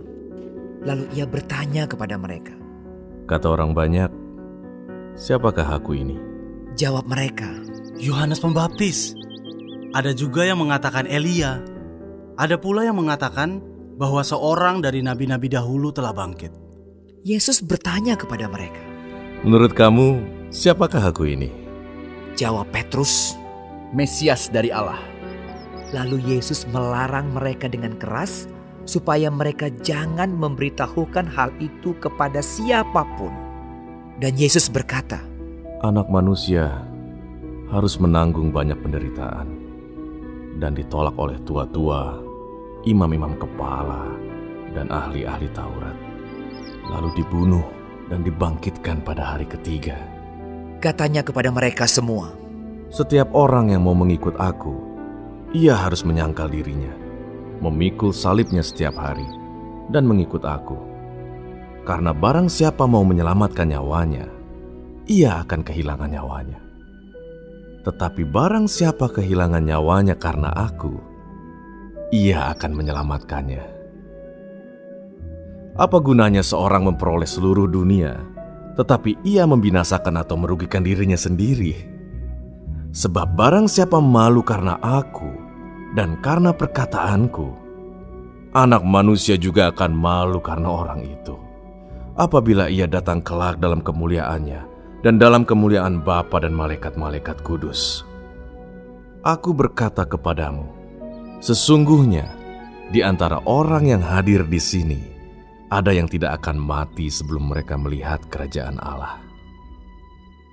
Kira-kira delapan hari sesudah segala pengajaran itu, Yesus membawa Petrus, Yohanes, dan Yakobus lalu naik ke atas gunung untuk berdoa. Ketika ia sedang berdoa, rupa wajahnya berubah dan pakaiannya menjadi putih berkilau-kilauan. Dan tampaklah dua orang berbicara dengan dia, yaitu Musa dan Elia. Keduanya menampakkan diri dalam kemuliaan dan berbicara tentang tujuan kepergiannya yang akan digenapinya di Yerusalem. Sementara itu Petrus dan teman-temannya telah tertidur. Dan ketika mereka terbangun, mereka melihat Yesus dalam kemuliaannya. Dan kedua orang yang berdiri di dekatnya itu.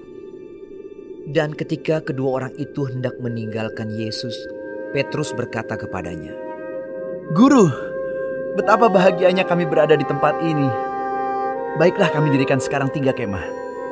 Satu untuk engkau, satu untuk Musa, dan satu untuk Elia. Tetapi Petrus tidak tahu apa yang dikatakannya itu.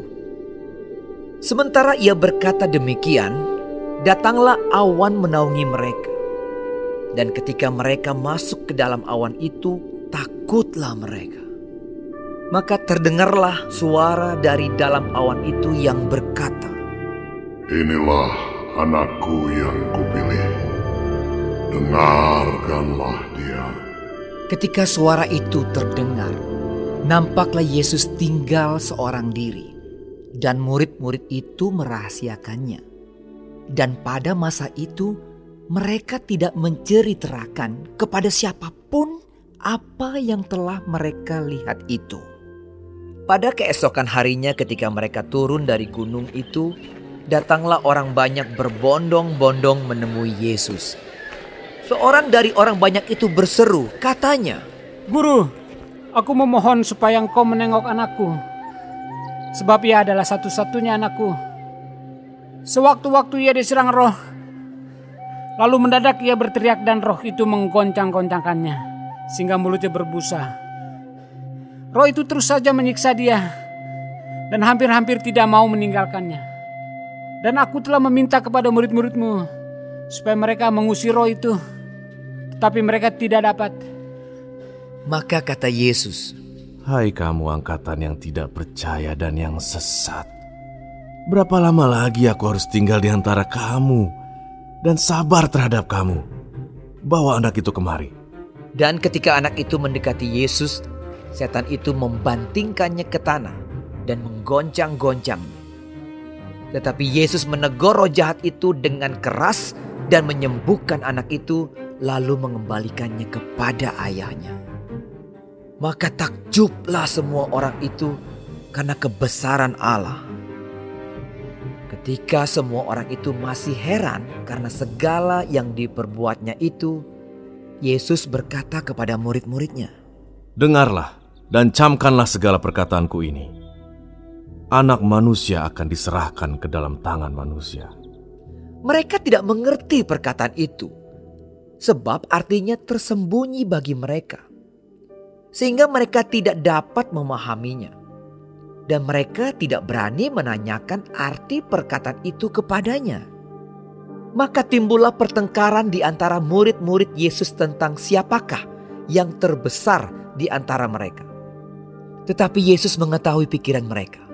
Karena itu, ia mengambil seorang anak kecil dan menempatkannya di sampingnya dan berkata kepada mereka, Barang siapa menyambut anak ini dalam namaku, ia menyambut aku. Dan barang siapa menyambut aku, ia menyambut dia yang mengutus aku. Karena yang terkecil di antara kamu sekalian, dialah yang terbesar. Yohanes berkata, Guru, kami lihat seorang mengusir setan demi namamu, lalu kami cegah orang itu. Karena ia bukan pengikut kita. Yesus berkata kepadanya, Jangan kamu cegah, sebab barang siapa tidak melawan kamu, ia ada di pihak kamu. Ketika hampir genap waktunya Yesus diangkat ke sorga, ia mengarahkan pandangannya untuk pergi ke Yerusalem. Dan ia mengirim beberapa utusan mendahului dia. Mereka itu pergi lalu masuk ke suatu desa orang Samaria untuk mempersiapkan segala sesuatu baginya. Tetapi orang-orang Samaria itu tidak mau menerima dia karena perjalanannya menuju Yerusalem. Ketika dua muridnya yaitu Yakobus dan Yohanes melihat hal itu mereka berkata, Tuhan, apakah engkau mau supaya kami menyuruh api turun dari langit untuk membinasakan mereka? Akan tetapi ia berpaling dan menegur mereka. Lalu mereka pergi ke desa yang lain. Ketika Yesus dan murid-muridnya melanjutkan perjalanan mereka, berkatalah seorang di tengah jalan kepada Yesus, Aku akan mengikut engkau ke mana saja engkau pergi. Yesus berkata kepadanya, Serigala mempunyai liang dan burung mempunyai sarang. Tetapi anak manusia tidak mempunyai tempat untuk meletakkan kepalanya. Lalu ia berkata kepada seorang lain, Ikutlah aku. Tetapi orang itu berkata, Izinkanlah aku pergi dahulu menguburkan Bapakku. Tetapi Yesus berkata kepadanya, Biarlah orang mati menguburkan orang mati. Tetapi engkau, pergilah dan beritakanlah kerajaan Allah di mana-mana. Dan seorang lain lagi berkata, Aku akan mengikut engkau Tuhan.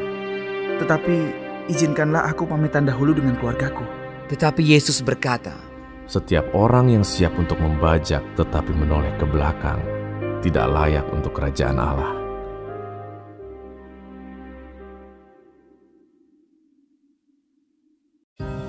Kemudian daripada itu Tuhan menunjuk 70 murid yang lain.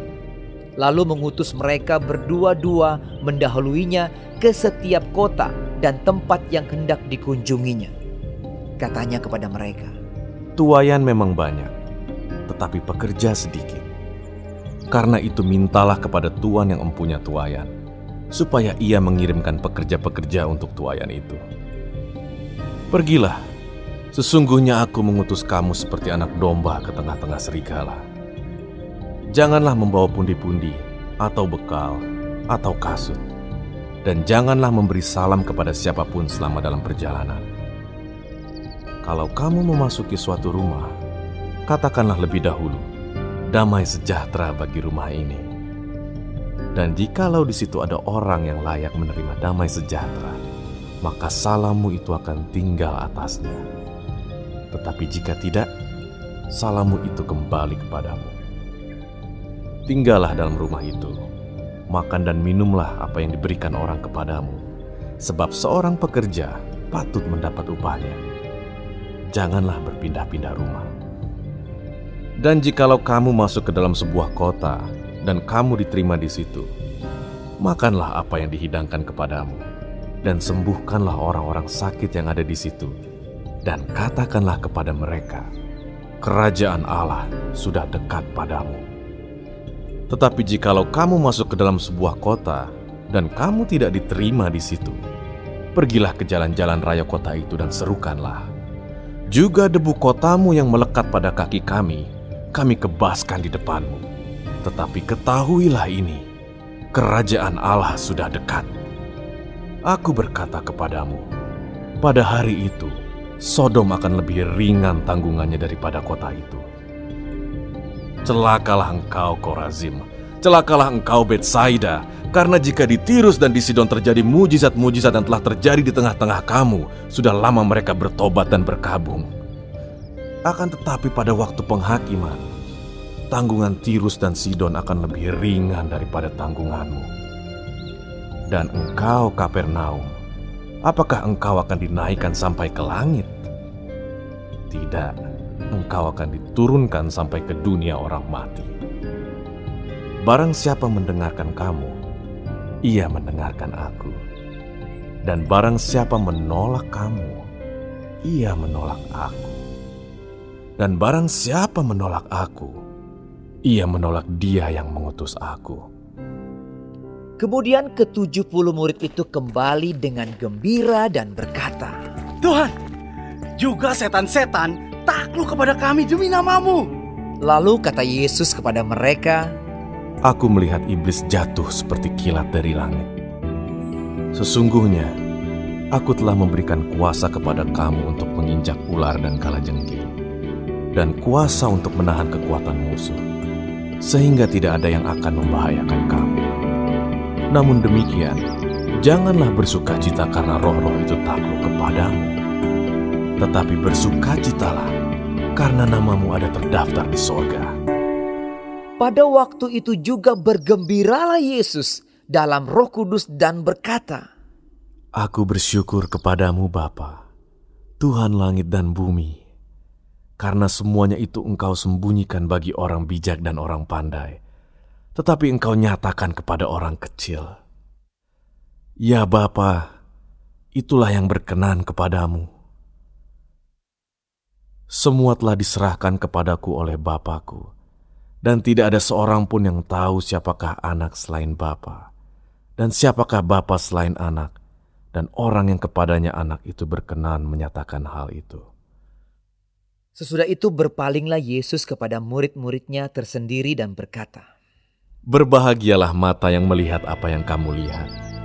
Karena aku berkata kepada kamu, banyak nabi dan raja ingin melihat apa yang kamu lihat, tetapi tidak melihatnya dan ingin mendengar apa yang kamu dengar, tetapi tidak mendengarnya. Pada suatu kali berdirilah seorang ahli Taurat untuk mencoba Yesus. Katanya, Guru, apa yang harus kuperbuat untuk memperoleh hidup yang kekal? Jawab Yesus kepadanya, Apa yang tertulis dalam hukum Taurat? Apa yang kau baca di sana? Jawab orang itu, Kasihilah Tuhan Allahmu dengan segenap hatimu, dan dengan segenap jiwamu, dan dengan segenap kekuatanmu, dan dengan segenap akal budimu, dan kasihilah sesamamu manusia seperti dirimu sendiri. Kata Yesus kepadanya, Jawabmu itu benar. Perbuatlah demikian, maka engkau akan hidup. Tetapi untuk membenarkan dirinya, orang itu berkata kepada Yesus, Dan siapakah sesamaku manusia? Jawab Yesus, adalah seorang yang turun dari Yerusalem ke Yeriko. Ia jatuh ke tangan penyamun-penyamun yang bukan saja merampoknya habis-habisan, tetapi yang juga memukulnya dan yang sesudah itu pergi meninggalkannya setengah mati. Kebetulan ada seorang imam turun melalui jalan itu. Ia melihat orang itu, tetapi ia melewatinya dari seberang jalan. Demikian juga seorang Lewi datang ke tempat itu. Ketika ia melihat orang itu, ia melewatinya dari seberang jalan. Lalu datang seorang Samaria yang sedang dalam perjalanan ke tempat itu. Dan ketika ia melihat orang itu, tergeraklah hatinya oleh belas kasihan. Ia pergi kepadanya lalu membalut luka-lukanya. Sesudah ia menyiraminya dengan minyak dan anggur. Kemudian ia menaikkan orang itu ke atas keledai tunggangannya sendiri, lalu membawanya ke tempat penginapan dan merawatnya. Keesokan harinya, ia menyerahkan dua dinar kepada pemilik penginapan itu. Katanya, "Rawatlah dia, dan jika kau belanjakan lebih dari ini, aku akan menggantinya waktu aku kembali." Siapakah di antara ketiga orang ini, menurut pendapatmu, adalah sesama manusia dari orang yang jatuh ke tangan penyamun itu? Jawab orang itu, Orang yang telah menunjukkan belas kasihan kepadanya. Kata Yesus kepadanya, Pergilah dan perbuatlah demikian. Ketika Yesus dan murid-muridnya dalam perjalanan, tibalah ia di sebuah kampung. Seorang perempuan yang bernama Marta menerima dia di rumahnya. Perempuan itu mempunyai seorang saudara yang bernama Maria. Maria ini duduk dekat kaki Tuhan dan terus mendengarkan perkataannya. Sedang Marta sibuk sekali melayani. Ia mendekati Yesus dan berkata, Tuhan, tidakkah engkau peduli bahwa saudaraku membiarkan aku melayani seorang diri? Suruhlah dia membantu aku. Tetapi Tuhan menjawabnya, Marta, Marta, engkau khawatir dan menyusahkan diri dengan banyak perkara. Tetapi hanya satu saja yang perlu. Maria telah memilih bagian yang terbaik, yang tidak akan diambil daripadanya.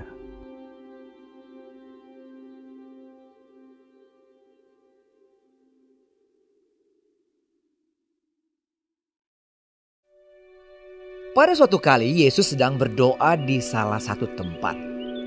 Ketika ia berhenti berdoa, berkatalah seorang dari murid-muridnya kepadanya, Tuhan, ajarlah kami berdoa, sama seperti yang diajarkan Yohanes kepada murid-muridnya. Jawab Yesus kepada mereka, Apabila kamu berdoa, katakanlah, Bapa, dikuduskanlah namamu, datanglah kerajaanmu, berikanlah kami setiap hari makanan kami yang secukupnya, dan ampunilah kami akan dosa kami, sebab kami pun mengampuni setiap orang yang bersalah kepada kami, dan janganlah membawa kami ke dalam pencobaan. Lalu katanya kepada mereka, Jika seorang di antara kamu pada tengah malam pergi ke rumah seorang sahabatnya dan berkata kepadanya, Saudara, pinjamkanlah kepadaku tiga roti, sebab seorang sahabatku yang sedang berada dalam perjalanan singgah ke rumahku, dan aku tidak mempunyai apa-apa untuk dihidangkan kepadanya. Masakan ia yang di dalam rumah itu akan menjawab, Jangan mengganggu aku. Pintu sudah tertutup dan aku serta anak-anakku sudah tidur. Aku tidak dapat bangun dan memberikannya kepada saudara. Aku berkata kepadamu, sekalipun ia tidak mau bangun dan memberikannya kepadanya karena orang itu adalah sahabatnya, namun karena sikapnya yang tidak malu itu, ia akan bangun juga dan memberikan kepadanya apa yang diperlukannya. Oleh karena itu, aku berkata kepadamu, mintalah, maka akan diberikan kepadamu. Carilah, maka kamu akan mendapat. Ketoklah, maka pintu akan dibukakan bagimu. Karena setiap orang yang meminta, menerima, dan setiap orang yang mencari, mendapat, dan setiap orang yang mengetok, baginya pintu dibukakan. Bapa manakah di antara kamu, jika anaknya minta ikan daripadanya, akan memberikan ular kepada anaknya itu ganti ikan? Atau jika ia minta telur, akan memberikan kepadanya kala jengking. Jadi jika kamu yang jahat tahu memberi pemberian yang baik kepada anak-anakmu, apalagi Bapamu yang di sorga, ia akan memberikan roh kudus kepada mereka yang meminta kepadanya. Pada suatu kali Yesus mengusir dari seorang suatu setan yang membisukan. Ketika setan itu keluar, orang bisu itu dapat berkata-kata. Maka heranlah orang banyak. Tetapi ada di antara mereka yang berkata, Ia mengusir setan dengan kuasa Beelzebul, penghulu setan. Ada pula yang meminta suatu tanda dari sorga kepadanya untuk mencobai dia. Tetapi Yesus mengetahui pikiran mereka lalu berkata, Setiap kerajaan yang terpecah-pecah pasti binasa, dan setiap rumah tangga yang terpecah-pecah pasti runtuh. Jikalau iblis itu juga terbagi-bagi dan melawan dirinya sendiri, bagaimanakah kerajaannya dapat bertahan? Sebab kamu berkata bahwa aku mengusir setan dengan kuasa Beelzebul. Jadi jika aku mengusir setan dengan kuasa Beelzebul, dengan kuasa apakah pengikut-pengikutmu mengusirnya? Sebab itu, merekalah yang akan menjadi hakimmu. Tetapi jika aku mengusir setan dengan kuasa Allah, maka sesungguhnya kerajaan Allah sudah datang kepadamu. Apabila seorang yang kuat dan yang lengkap bersenjata menjaga rumahnya sendiri, maka amanlah segala miliknya. Tetapi jika seorang yang lebih kuat daripadanya menyerang dan mengalahkannya, maka orang itu akan merampas perlengkapan senjata yang diandalkannya dan akan membagi-bagikan rampasannya. Siapa tidak bersama aku, ia melawan aku. Dan siapa tidak mengumpulkan bersama aku, ia mencerai beraikan. Apabila roh jahat keluar dari manusia, ia pun mengembara ke tempat-tempat yang tandus mencari perhentian. Dan karena ia tidak mendapatnya, ia berkata, Aku akan kembali ke rumah yang telah kutinggalkan itu. Maka pergilah ia dan mendapati rumah itu bersih tersapu dan rapi teratur. Lalu ia keluar dan mengajak tujuh roh lain yang lebih jahat daripadanya. Dan mereka masuk dan berdiam di situ. Maka akhirnya keadaan orang itu lebih buruk daripada keadaannya semula. Ketika Yesus masih berbicara, berserulah seorang perempuan dari antara orang banyak dan berkata kepadanya, Berbahagialah ibu yang telah mengandung engkau dan susu yang telah menyusui engkau. Tetapi ia berkata, Yang berbahagia ialah mereka yang mendengarkan firman Allah dan yang memeliharanya. Ketika orang banyak mengerumuninya, berkatalah Yesus, Angkatan ini adalah angkatan yang jahat mereka menghendaki suatu tanda, tetapi kepada mereka tidak akan diberikan tanda selain tanda Nabi Yunus. Sebab seperti Yunus menjadi tanda untuk orang-orang Niniwe, demikian pula lah anak manusia akan menjadi tanda untuk angkatan ini. Pada waktu penghakiman, Ratu dari Selatan itu akan bangkit bersama orang dari angkatan ini, dan ia akan menghukum mereka. Sebab Ratu ini datang dari ujung bumi untuk mendengarkan hikmat Salomo. Dan sesungguhnya yang ada di sini lebih daripada Salomo. Pada waktu penghakiman, orang-orang Niniwe akan bangkit bersama angkatan ini dan mereka akan menghukumnya. Sebab orang-orang Niniwe itu bertobat waktu mereka mendengarkan pemberitaan Yunus.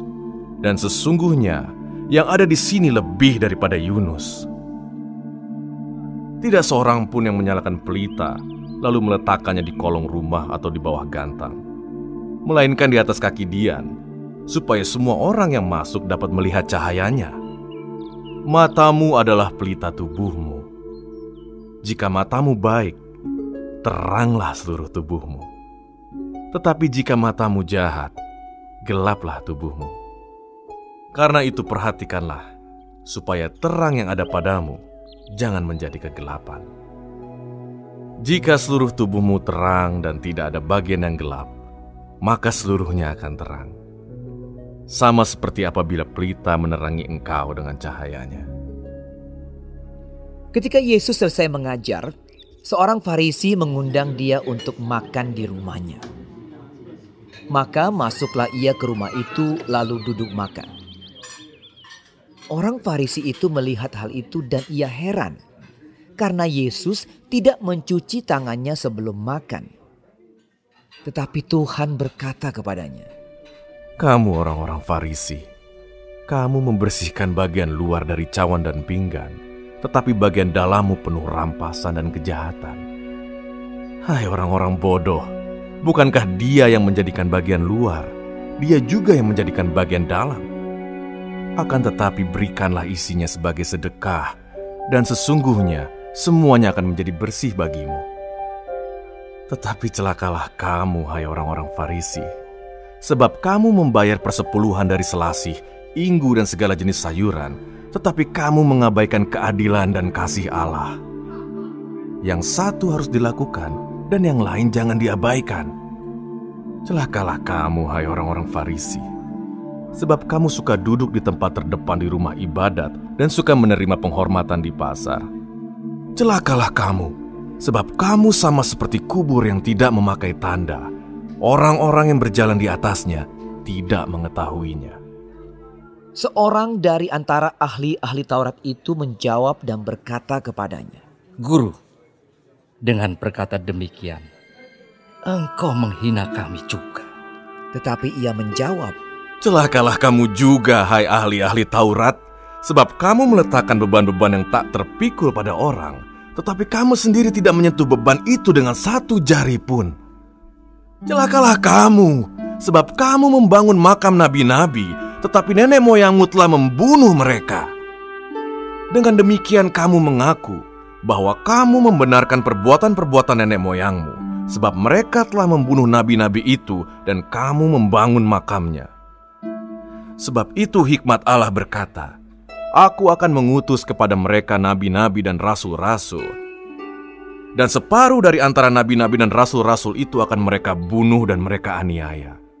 Supaya dari angkatan ini dituntut darah semua nabi yang telah tertumpah sejak dunia dijadikan mulai dari darah Habel sampai kepada darah Zakaria yang telah dibunuh di antara mesbah dan rumah Allah.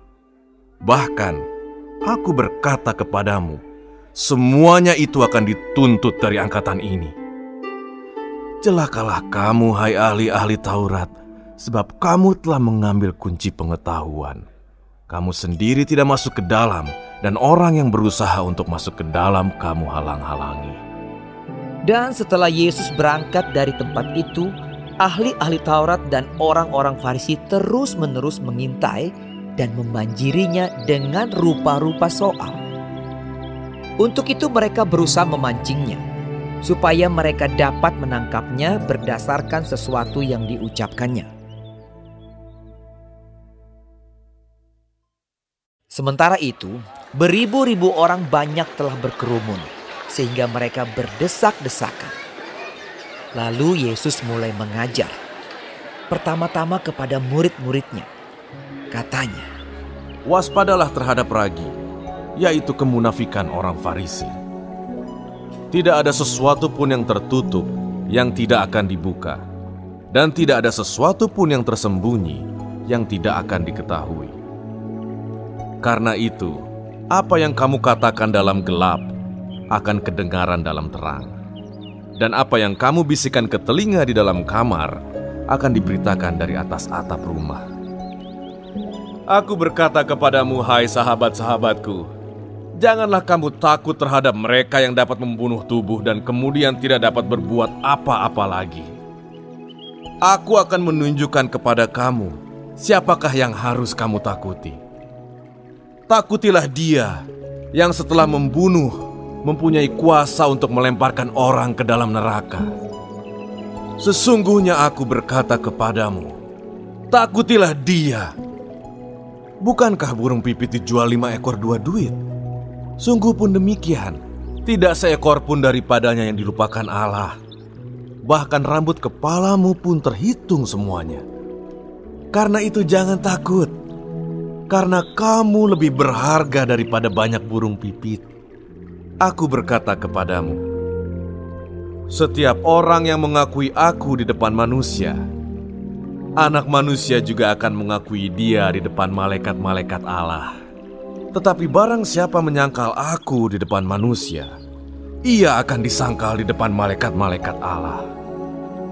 Setiap orang yang mengatakan sesuatu melawan anak manusia, ia akan diampuni. Tetapi barang siapa menghujat Roh Kudus, ia tidak akan diampuni. Apabila orang menghadapkan kamu kepada majelis-majelis atau kepada pemerintah-pemerintah dan penguasa-penguasa, janganlah kamu khawatir bagaimana dan apa yang harus kamu katakan untuk membela dirimu. Sebab pada saat itu juga, Roh Kudus akan mengajar kamu apa yang harus kamu katakan. Seorang dari orang banyak itu berkata kepada Yesus, "Guru, katakanlah kepada saudaraku, supaya ia berbagi warisan dengan aku. Tetapi Yesus berkata kepadanya, Saudara, siapakah yang telah mengangkat aku menjadi hakim atau pengantara atas kamu? Katanya lagi kepada mereka, Berjaga-jagalah dan waspadalah terhadap segala ketamakan.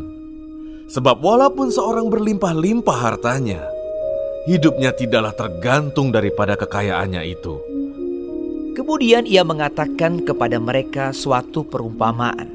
Katanya, "Ada seorang kaya, tanahnya berlimpah-limpah hasilnya. Ia bertanya dalam hatinya, "Apakah yang harus aku perbuat? Sebab aku tidak mempunyai tempat di mana aku dapat menyimpan hasil tanahku." Lalu katanya, "Inilah yang akan aku perbuat. Aku akan merombak lumbung-lumbungku, dan aku akan mendirikan yang lebih besar." dan aku akan menyimpan di dalamnya segala gandum dan barang-barangku. Sesudah itu, aku akan berkata kepada jiwaku, "Jiwaku, ada padamu banyak barang, tertimbun untuk bertahun-tahun lamanya. Beristirahatlah, makanlah, minumlah, dan bersenang-senanglah.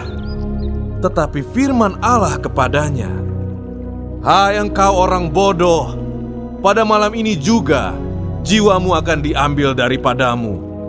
Dan apa yang telah kau sediakan, untuk siapakah itu nanti? Demikianlah jadinya dengan orang yang mengumpulkan harta bagi dirinya sendiri, jikalau ia tidak kaya di hadapan Allah. Yesus berkata kepada murid-muridnya, Karena itu aku berkata kepadamu, janganlah khawatir akan hidupmu, akan apa yang hendak kamu makan, dan janganlah khawatir pula akan tubuhmu, akan apa yang hendak kamu pakai. Sebab hidup itu lebih penting daripada makanan, dan tubuh itu lebih penting daripada pakaian. Perhatikanlah burung-burung gagak yang tidak menabur dan tidak menuai dan tidak mempunyai gudang atau lumbung. Namun demikian diberi makan oleh Allah. Betapa jauhnya kamu melebihi burung-burung itu. Siapakah di antara kamu yang karena kekhawatirannya dapat menambahkan sehasta pada jalan hidupnya? Jadi, jikalau kamu tidak sanggup membuat barang yang paling kecil, mengapa kamu khawatir akan hal-hal lain? Perhatikanlah bunga bakung yang tidak memintal dan tidak menenun. Namun aku berkata kepadamu, Salomo dalam segala kemegahannya pun tidak berpakaian seindah salah satu dari bunga itu. Jadi, jika rumput di ladang yang hari ini ada dan besok dibuang ke dalam api demikian didandani Allah, terlebih lagi kamu, hai orang yang kurang percaya. Jadi janganlah kamu mempersoalkan apa yang akan kamu makan atau apa yang akan kamu minum. Dan janganlah cemas hatimu. Semua itu dicari bangsa-bangsa di dunia yang tidak mengenal Allah. Akan tetapi Bapamu tahu bahwa kamu memang memerlukan semuanya itu. Tetapi carilah kerajaannya, maka semuanya itu akan ditambahkan juga kepadamu. Janganlah takut hai kamu kawanan kecil, karena Bapamu telah berkenan memberikan kamu kerajaan itu. Jualah segala milikmu dan berikanlah sedekah. Buatlah bagimu pundi-pundi yang tidak dapat menjadi tua, suatu harta di sorga yang tidak akan habis, yang tidak dapat didekati pencuri dan yang tidak dirusakkan ngengat. Karena di mana hartamu berada, di situ juga hatimu berada. Hendaklah pinggangmu tetap berikat, dan pelitamu tetap menyala. Dan hendaklah kamu sama seperti orang-orang yang menanti-nantikan tuannya yang pulang dari perkawinan supaya jika ia datang dan mengetok pintu, segera dibuka pintu baginya. Berbahagialah hamba-hamba yang didapati tuannya berjaga-jaga ketika ia datang. Aku berkata kepadamu, sesungguhnya ia akan mengikat pinggangnya dan mempersilahkan mereka duduk makan, dan ia akan datang melayani mereka. Dan apabila ia datang pada tengah malam, atau pada dini hari dan mendapati mereka berlaku demikian, maka berbahagialah mereka. Tetapi ketahuilah ini, jika tuan rumah tahu pukul berapa pencuri akan datang, ia tidak akan membiarkan rumahnya dibongkar. Hendaklah kamu juga siap sedia, karena anak manusia datang pada saat yang tidak kamu sangkakan. Kata Petrus, Tuhan, Kamikah yang engkau maksudkan dengan perumpamaan itu? Atau juga semua orang? Jawab Tuhan. Jadi, siapakah pengurus rumah yang setia dan bijaksana yang akan diangkat oleh tuannya menjadi kepala atas semua hambanya untuk memberikan makanan kepada mereka pada waktunya? Berbahagialah hamba yang didapati tuannya melakukan tugasnya itu ketika tuannya itu datang. Aku berkata kepadamu, Sesungguhnya tuannya itu akan mengangkat dia menjadi pengawas segala miliknya. Akan tetapi, jikalau hamba itu jahat dan berkata di dalam hatinya, Tuanku tidak datang-datang, lalu ia mulai memukul hamba-hamba laki-laki dan hamba-hamba perempuan dan makan minum dan mabuk, maka Tuhan hamba itu akan datang pada hari yang tidak disangkakannya dan pada saat yang tidak diketahuinya dan akan membunuh dia dan membuat dia senasib dengan orang-orang yang tidak setia. Adapun hamba yang tahu akan kehendak tuannya, tetapi yang tidak mengadakan persiapan atau tidak melakukan apa yang dikehendaki tuannya, ia akan menerima banyak pukulan. Tetapi barang siapa tidak tahu akan kehendak tuannya dan melakukan apa yang harus mendatangkan pukulan, ia akan menerima sedikit pukulan. Setiap orang yang kepadanya banyak diberi, daripadanya akan banyak dituntut. Dan kepada siapa yang banyak dipercayakan, daripadanya akan lebih banyak lagi dituntut. Aku datang untuk melemparkan api ke bumi dan betapakah aku harapkan api itu telah menyala. Aku harus menerima baptisan. Dan betapakah susahnya hatiku sebelum hal itu berlangsung. Kamu menyangka bahwa aku datang untuk membawa damai di atas bumi. Bukan, kataku kepadamu, bukan damai, melainkan pertentangan. Karena mulai dari sekarang akan ada pertentangan antara lima orang di dalam satu rumah. Tiga melawan dua dan dua melawan tiga. Mereka akan saling bertentangan. Ayah melawan anaknya laki-laki dan anak laki-laki melawan ayahnya. Ibu melawan anaknya perempuan dan anak perempuan melawan ibunya. Ibu mertua melawan menantunya perempuan, dan menantu perempuan melawan ibu mertuanya. Yesus berkata pula kepada orang banyak, Apabila kamu melihat awan naik di sebelah barat, segera kamu berkata akan datang hujan. Dan hal itu memang terjadi. Dan apabila kamu melihat angin selatan bertiup, kamu berkata hari akan panas terik. Dan hal itu memang terjadi. Hai orang-orang munafik, rupa bumi dan langit kamu tahu menilainya. Mengapakah kamu tidak dapat menilai zaman ini?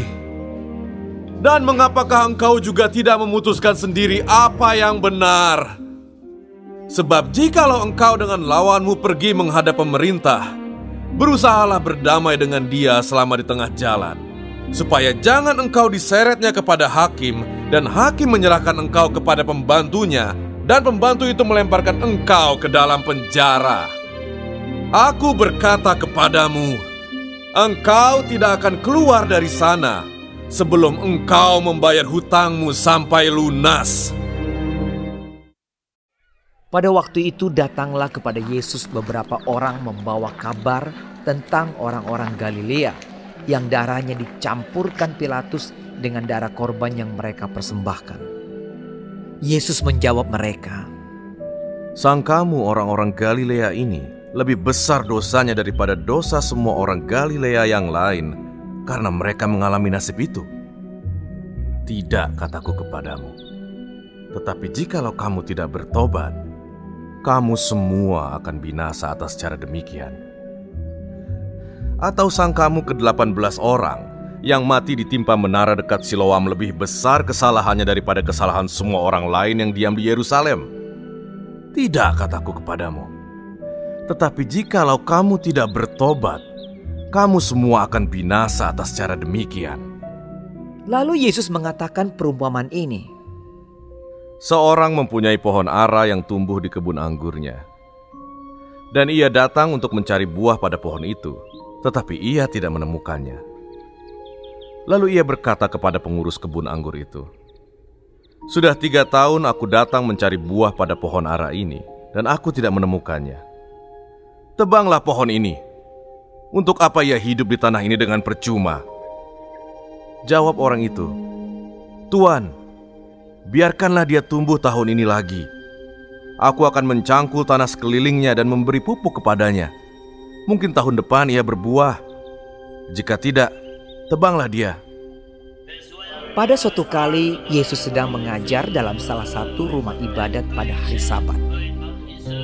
Di situ ada seorang perempuan yang telah 18 tahun dirasuk roh sehingga ia sakit sampai bungkuk punggungnya dan tidak dapat berdiri lagi dengan tegak.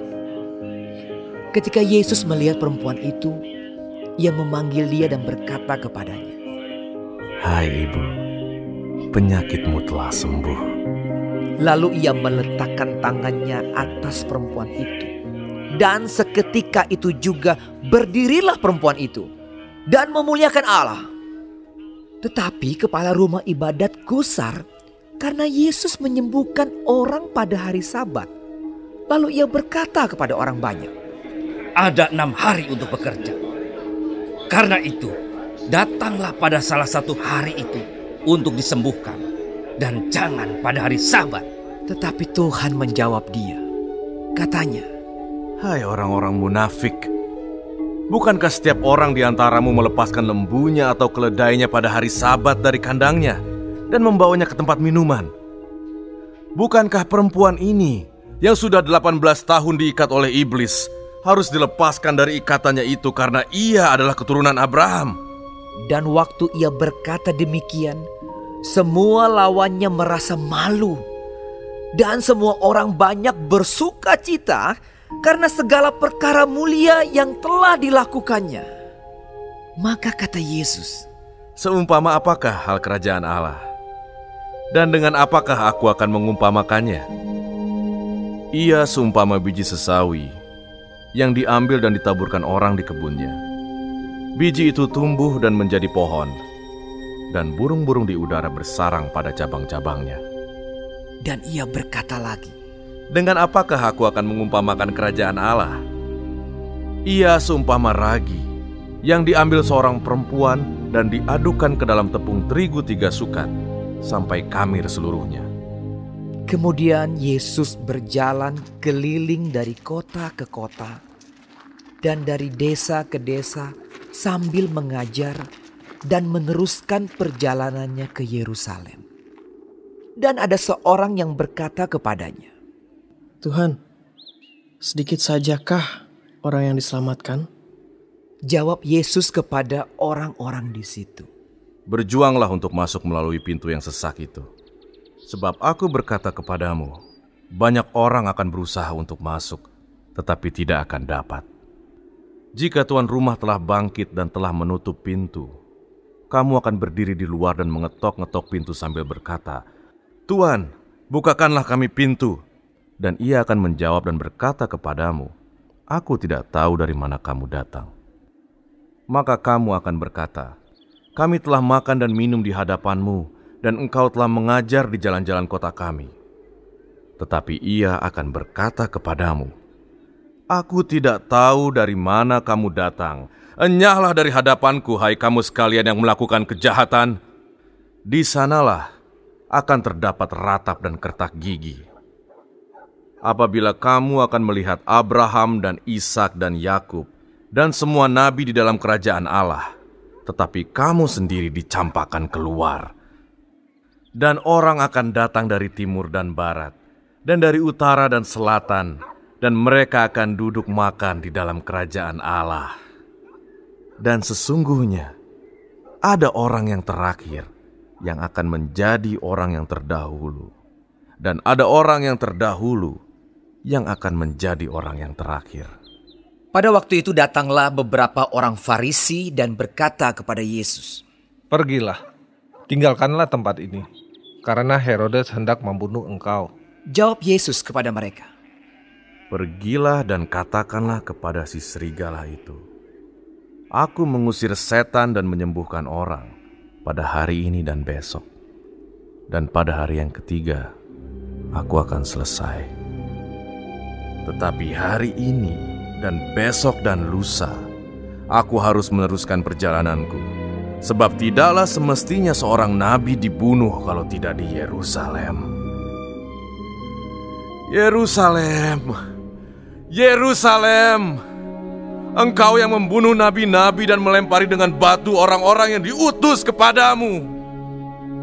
Berkali-kali aku rindu mengumpulkan anak-anakmu, sama seperti induk ayah mengumpulkan anak-anaknya di bawah sayapnya, tetapi kamu tidak mau. Sesungguhnya, rumahmu ini akan ditinggalkan dan menjadi sunyi.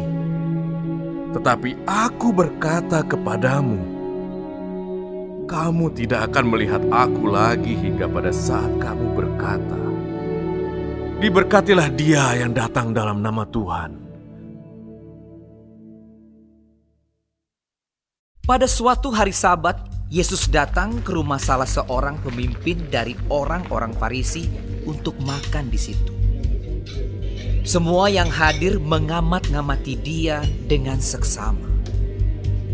Tiba-tiba datanglah seorang yang sakit busung air berdiri di hadapannya.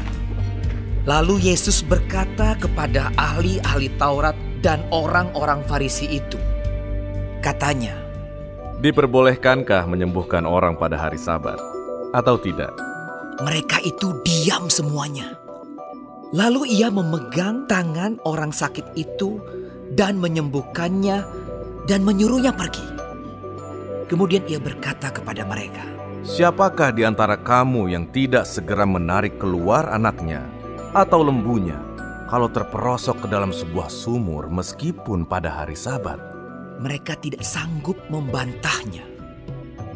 Karena Yesus melihat bahwa tamu-tamu berusaha menduduki tempat-tempat kehormatan, ia mengatakan perumpamaan ini kepada mereka. Kalau seorang mengundang engkau ke pesta perkawinan, janganlah duduk di tempat kehormatan, sebab mungkin orang itu telah mengundang seorang yang lebih terhormat daripadamu. Supaya orang itu yang mengundang engkau dan dia jangan datang dan berkata kepadamu, "Berilah tempat ini kepada orang itu." Lalu engkau dengan malu harus pergi duduk di tempat yang paling rendah. Tetapi apabila engkau diundang, pergilah duduk di tempat yang paling rendah mungkin tuan rumah akan datang dan berkata kepadamu, "Sahabat, silakan duduk di depan." Dan dengan demikian, engkau akan menerima hormat di depan mata semua tamu yang lain. Sebab barang siapa meninggikan diri, ia akan direndahkan. Dan barang siapa merendahkan diri, ia akan ditinggikan. Dan Yesus berkata juga kepada orang yang mengundang dia, Apabila engkau mengadakan perjamuan siang atau perjamuan malam, janganlah engkau mengundang sahabat-sahabatmu atau saudara-saudaramu, atau kaum keluargamu atau tetangga-tetanggamu yang kaya, karena mereka akan membalasnya dengan mengundang engkau pula, dan dengan demikian engkau mendapat balasnya. Tetapi apabila engkau mengadakan perjamuan, undanglah orang-orang miskin, orang-orang cacat, orang-orang lumpuh dan orang-orang buta. Dan engkau akan berbahagia karena mereka tidak mempunyai apa-apa untuk membalasnya kepadamu. Sebab engkau akan mendapat balasnya pada hari kebangkitan orang-orang benar. Mendengar itu berkatalah seorang dari tamu-tamu itu kepada Yesus. Berbahagialah orang yang akan dijamu dalam kerajaan Allah. Tetapi Yesus berkata kepadanya, Ada seorang mengadakan perjamuan besar, dan ia mengundang banyak orang. Menjelang perjamuan itu dimulai, ia menyuruh hambanya mengatakan kepada para undangan, Marilah, sebab segala sesuatu sudah siap. Tetapi mereka bersama-sama meminta maaf. Yang pertama berkata kepadanya, Aku telah membeli ladang, dan aku harus pergi melihatnya. Aku minta dimaafkan. Yang lain berkata, Aku telah membeli lima pasang lembu kebiri, dan aku harus pergi mencobanya. Aku minta dimaafkan. Yang lain lagi berkata, Aku baru kawin, dan karena itu aku tidak dapat datang. Maka kembalilah hamba itu dan menyampaikan semuanya itu kepada tuannya. Lalu murkalah tuan rumah itu dan berkata kepada hambanya, Pergilah dengan segera ke segala jalan dan lorong kota, dan bawalah kemari orang-orang miskin dan orang-orang cacat dan orang-orang buta dan orang-orang lumpuh. Kemudian hamba itu melaporkan, Tuan, apa yang Tuan perintahkan itu sudah dilaksanakan. Tetapi sekalipun demikian, masih ada tempat. Lalu kata Tuan itu kepada hambanya, Pergilah ke semua jalan dan lintasan, dan paksalah orang-orang yang ada di situ masuk, karena rumahku harus penuh. Sebab aku berkata kepadamu, tidak ada seorang pun dari orang-orang yang telah diundang itu akan menikmati jamuanku. Pada suatu kali banyak orang berduyun-duyun mengikuti Yesus dalam perjalanannya. Sambil berpaling ia berkata kepada mereka, Jikalau seorang datang kepadaku dan ia tidak membenci bapaknya, ibunya, istrinya, anak-anaknya, saudara-saudaranya laki-laki atau perempuan, bahkan nyawanya sendiri, ia tidak dapat menjadi muridku.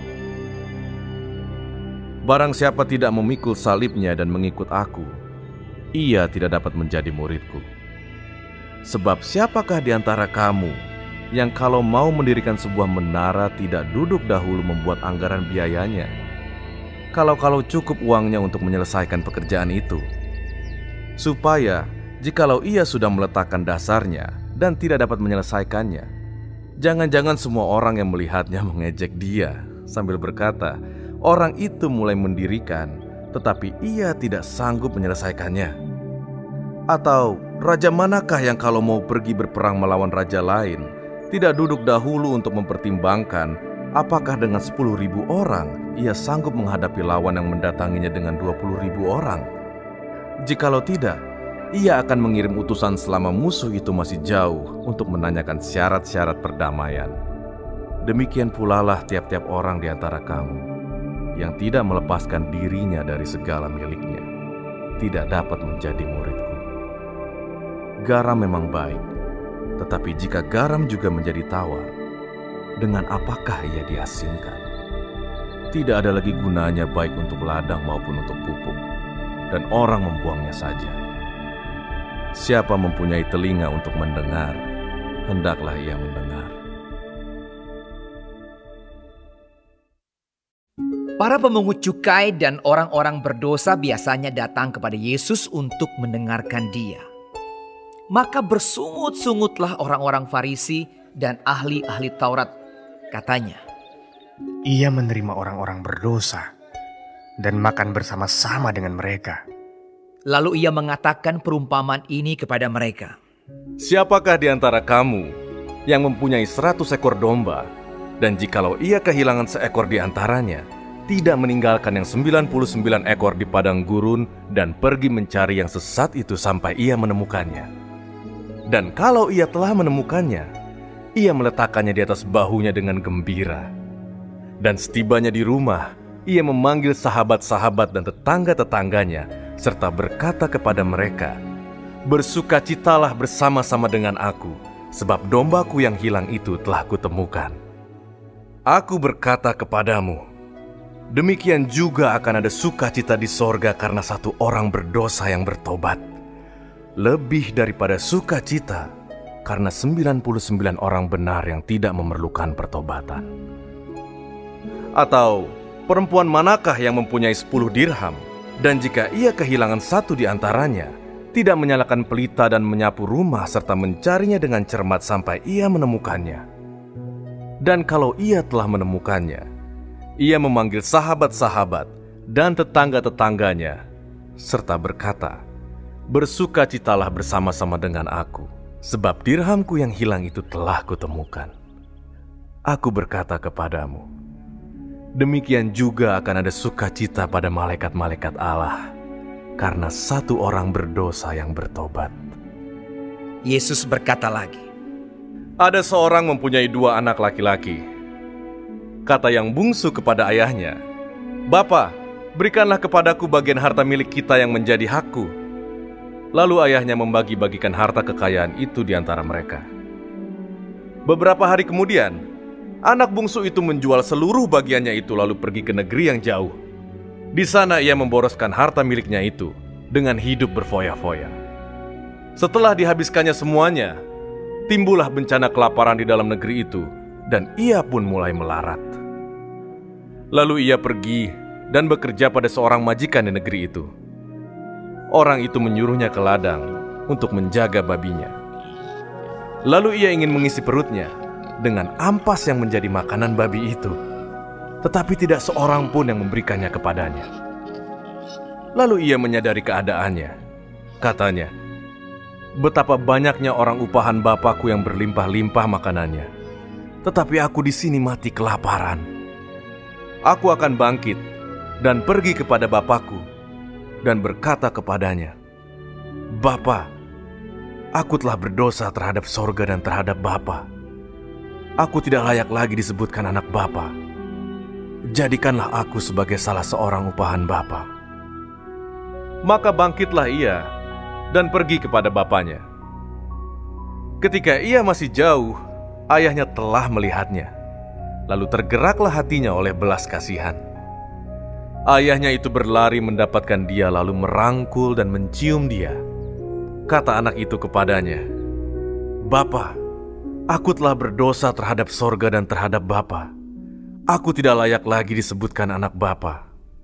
Tetapi ayah itu berkata kepada hamba-hambanya, Lekaslah bawa kemari jubah yang terbaik, pakaikanlah itu kepadanya, dan kenakanlah cincin pada jarinya, dan sepatu pada kakinya. Dan ambillah anak lembu tambun itu, sembelihlah dia, dan marilah kita makan dan bersuka cita. Sebab anakku ini telah mati dan menjadi hidup kembali. Ia telah hilang dan didapat kembali. Maka mulailah mereka bersukaria. Tetapi anaknya yang sulung berada di ladang. Dan ketika ia pulang dan dekat ke rumah, ia mendengar bunyi seruling dan nyanyi tari-tarian. Lalu ia memanggil salah seorang hamba dan bertanya kepadanya, apa arti semuanya itu? Jawab hamba itu, adikmu telah kembali dan ayahmu telah menyembelih anak lembu tambun karena ia mendapatnya kembali dengan sehat. Maka marahlah anak sulung itu dan ia tidak mau masuk. Lalu ayahnya keluar dan berbicara dengan dia. Tetapi ia menjawab ayahnya, katanya, Telah bertahun-tahun aku melayani Bapa dan belum pernah aku melanggar perintah Bapa. Tetapi kepadaku, belum pernah Bapa memberikan seekor anak kambing untuk bersuka cita dengan sahabat-sahabatku.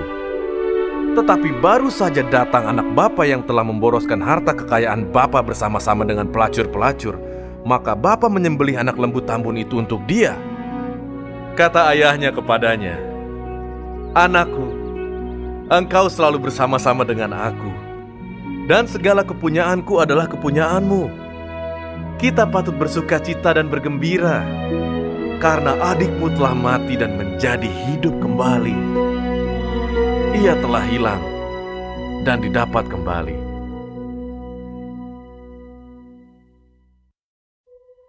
Dan Yesus berkata kepada murid-muridnya, Ada seorang kaya yang mempunyai seorang bendahara. Kepadanya disampaikan tuduhan bahwa bendahara itu menghamburkan miliknya. Lalu ia memanggil bendahara itu dan berkata kepadanya, "Apakah yang kudengar tentang engkau? Berilah pertanggungan jawab atas urusanmu, sebab engkau tidak boleh lagi bekerja sebagai bendahara." Kata bendahara itu di dalam hatinya, "Apakah yang harus aku perbuat? Tuanku memecat aku dari jabatanku sebagai bendahara. Mencangkul aku tidak dapat, mengemis aku malu. Aku tahu apa yang akan aku perbuat, supaya apabila aku dipecat dari jabatanku sebagai bendahara, ada orang yang akan menampung aku di rumah mereka." Lalu ia memanggil seorang demi seorang yang berhutang kepada tuannya. Katanya kepada yang pertama, "Berapakah hutangmu kepada tuanku?" Jawab orang itu, "Seratus tempayan minyak." Lalu katanya kepada orang itu, "Inilah surat hutangmu. Duduklah dan buat surat hutang lain sekarang juga, 50 tempayan." Kemudian ia berkata kepada yang kedua, "Dan berapakah hutangmu?" Jawab orang itu, "Seratus pikul gandum." Katanya kepada orang itu, Inilah surat hutangmu, buatlah surat hutang lain, 80 pikul. Lalu tuan itu memuji bendahara yang tidak jujur itu, karena ia telah bertindak dengan cerdik.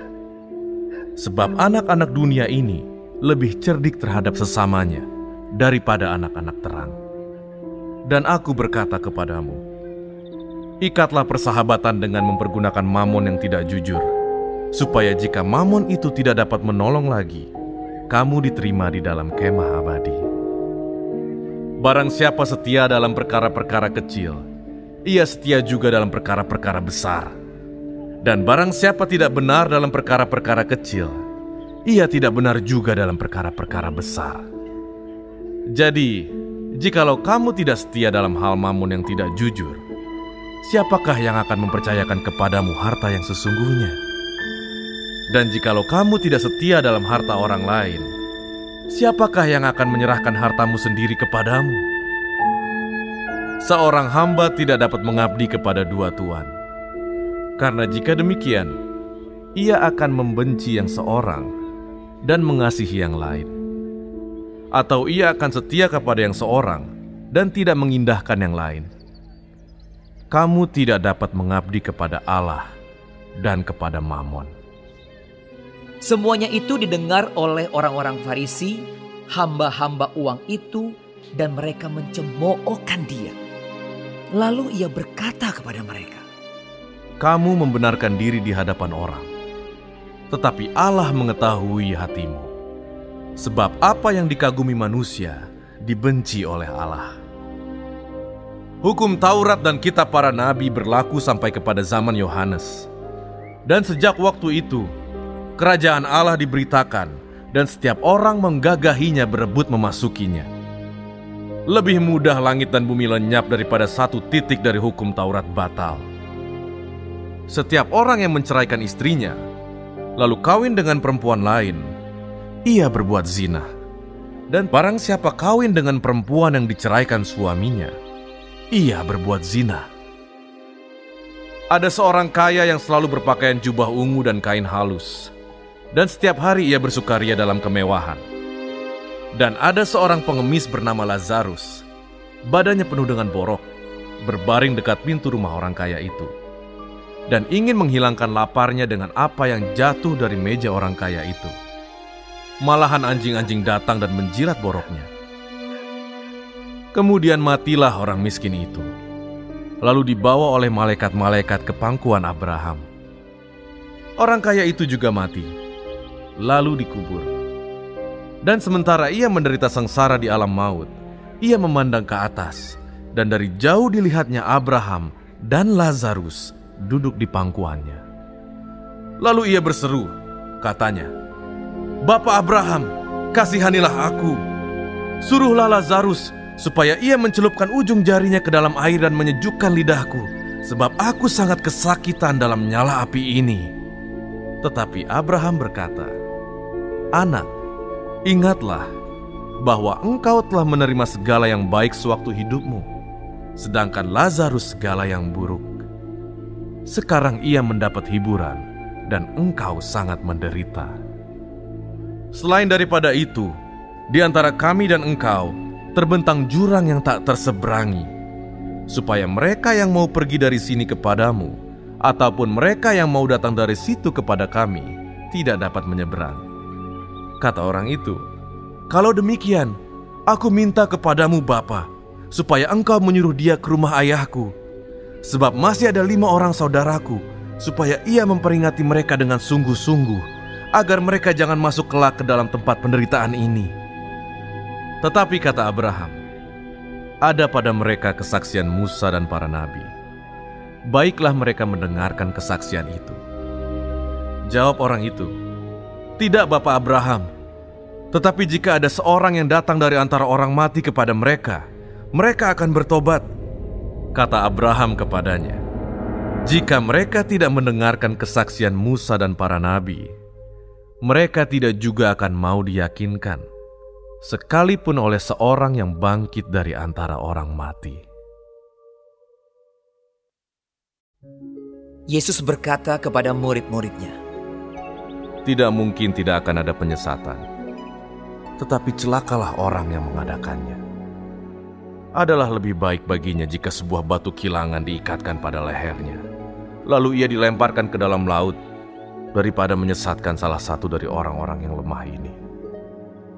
Jagalah dirimu. Jikalau saudaramu berbuat dosa, tegurlah dia. Dan jikalau ia menyesal, ampunilah dia Bahkan jikalau ia berbuat dosa terhadap engkau tujuh kali sehari, dan tujuh kali ia kembali kepadamu dan berkata, Aku menyesal, engkau harus mengampuni dia. Lalu kata rasul-rasul itu kepada Tuhan, Tambahkanlah iman kami. Jawab Tuhan, Kalau sekiranya kamu mempunyai iman sebesar biji sesawi saja, kamu dapat berkata kepada pohon ara ini, Terbantunlah engkau, dan tertanamlah di dalam laut, dan ia akan taat kepadamu. Siapa di antara kamu yang mempunyai seorang hamba yang membajak atau menggembalakan ternak baginya, akan berkata kepada hamba itu setelah ia pulang dari ladang, Mari segera makan. Bukankah sebaliknya ia akan berkata kepada hamba itu, Sediakanlah makananku, ikatlah pinggangmu, dan layanilah aku sampai selesai aku makan dan minum. Dan sesudah itu, engkau boleh makan dan minum. Adakah ia berterima kasih kepada hamba itu karena hamba itu telah melakukan apa yang ditugaskan kepadanya? Demikian jugalah kamu. Apabila kamu telah melakukan segala sesuatu yang ditugaskan kepadamu, hendaklah kamu berkata, "Kami adalah hamba-hamba yang tidak berguna. Kami hanya melakukan apa yang kami harus lakukan." Dalam perjalanannya ke Yerusalem, Yesus menyusur perbatasan Samaria dan Galilea. Ketika ia memasuki suatu desa, datanglah sepuluh orang kusta menemui dia. Mereka tinggal berdiri agak jauh dan berteriak, Yesus, Guru, kasihanilah kami. Lalu ia memandang mereka dan berkata, Pergilah, perlihatkanlah dirimu kepada imam-imam. Dan sementara mereka di tengah jalan, mereka menjadi tahir. Seorang dari mereka, ketika melihat bahwa ia telah sembuh, kembali sambil memuliakan Allah dengan suara nyaring, lalu tersungkur di depan kaki Yesus dan mengucap syukur kepadanya. Orang itu adalah seorang Samaria. Lalu Yesus berkata, Bukankah ke sepuluh orang tadi semuanya telah menjadi tahir?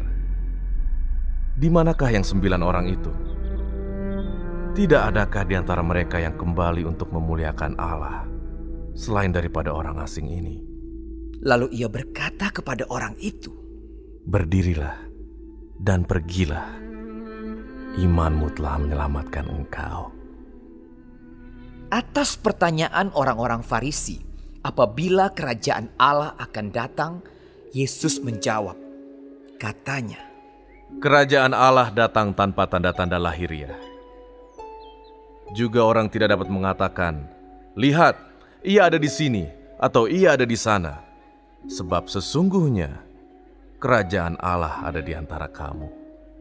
Dan ia berkata kepada murid-muridnya, Akan datang waktunya, kamu ingin melihat satu daripada hari-hari anak manusia itu, dan kamu tidak akan melihatnya. Dan orang akan berkata kepadamu, Lihat, ia ada di sana. Lihat, ia ada di sini. Jangan kamu pergi ke situ. Jangan kamu ikut. Sebab sama seperti kilat memancar dari ujung langit yang satu ke ujung langit yang lain. Demikian pula lah kelak halnya anak manusia pada hari kedatangannya. Tetapi ia harus menanggung banyak penderitaan dahulu dan ditolak oleh angkatan ini. Dan sama seperti terjadi pada zaman Nuh, demikian pula lah halnya kelak pada hari-hari anak manusia. Mereka makan dan minum, mereka kawin dan dikawinkan, sampai kepada hari Nuh masuk ke dalam bahtera. Lalu datanglah air bah dan membinasakan mereka semua. Demikian juga seperti yang terjadi di zaman Lot.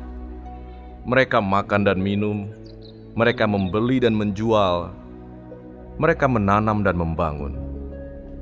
Tetapi pada hari Lot pergi keluar dari Sodom, turunlah hujan api dan hujan belerang dari langit dan membinasakan mereka semua. Demikianlah halnya kelak pada hari di mana anak manusia menyatakan dirinya. Barang siapa pada hari itu sedang di peranginan di atas rumah, dan barang-barangnya ada di dalam rumah, janganlah ia turun untuk mengambilnya. Dan demikian juga orang yang sedang di ladang, janganlah ia kembali. Ingatlah akan istri Lot Barang siapa berusaha memelihara nyawanya, ia akan kehilangan nyawanya.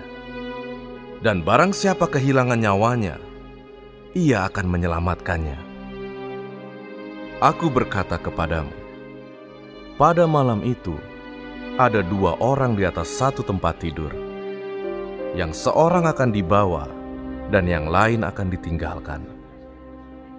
Ada dua orang perempuan bersama-sama menghilang, yang seorang akan dibawa dan yang lain akan ditinggalkan.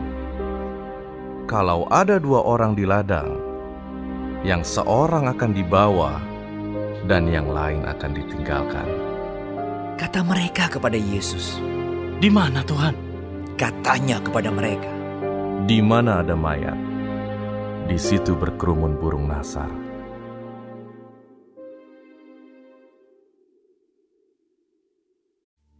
Yesus mengatakan suatu perumpamaan kepada mereka untuk menegaskan bahwa mereka harus selalu berdoa dengan tidak jemu-jemu. Katanya, Dalam sebuah kota, ada seorang hakim yang tidak takut akan Allah dan tidak menghormati seorang pun. Dan di kota itu, ada seorang janda yang selalu datang kepada hakim itu dan berkata, Belalah hakku terhadap lawanku. Beberapa waktu lamanya hakim itu menolak, tetapi kemudian ia berkata dalam hatinya, Walaupun aku tidak takut akan Allah dan tidak menghormati seorang pun, namun karena janda ini menyusahkan aku, baiklah aku membenarkan dia, supaya jangan terus saja ia datang dan akhirnya menyerang aku. kata Tuhan, Camkanlah apa yang dikatakan hakim yang lalim itu.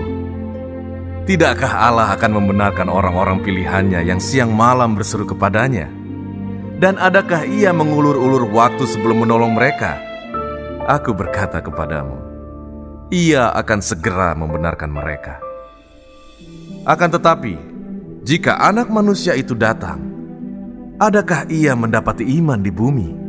dan kepada beberapa orang yang menganggap dirinya benar dan memandang rendah semua orang lain, Yesus mengatakan perumpamaan ini. Ada dua orang pergi ke bait Allah untuk berdoa. Yang seorang adalah Farisi dan yang lain pemungut cukai. Orang Farisi itu berdiri dan berdoa dalam hatinya begini. Ya Allah, aku mengucap syukur kepadamu karena aku tidak sama seperti semua orang lain. Bukan perampok, bukan orang lalim, bukan pezina, dan bukan juga seperti pemungut cukai ini. Aku berpuasa dua kali seminggu. Aku memberikan sepersepuluh dari segala penghasilanku. Tetapi pemungut cukai itu berdiri jauh-jauh. Bahkan ia tidak berani menengadah ke langit, melainkan ia memukul diri dan berkata, "Ya Allah, kasihanilah aku orang berdosa ini." Aku berkata kepadamu, orang ini pulang ke rumahnya sebagai orang yang dibenarkan Allah, dan orang lain itu tidak. Sebab barang siapa meninggikan diri, ia akan direndahkan, dan barang siapa merendahkan diri, ia akan ditinggikan. Maka datanglah orang-orang membawa anak-anaknya yang kecil kepada Yesus supaya ia menjamah mereka. Melihat itu murid-muridnya memarahi orang-orang itu. Tetapi Yesus memanggil mereka dan berkata, Biarkanlah anak-anak itu datang kepadaku, dan jangan kamu menghalang-halangi mereka.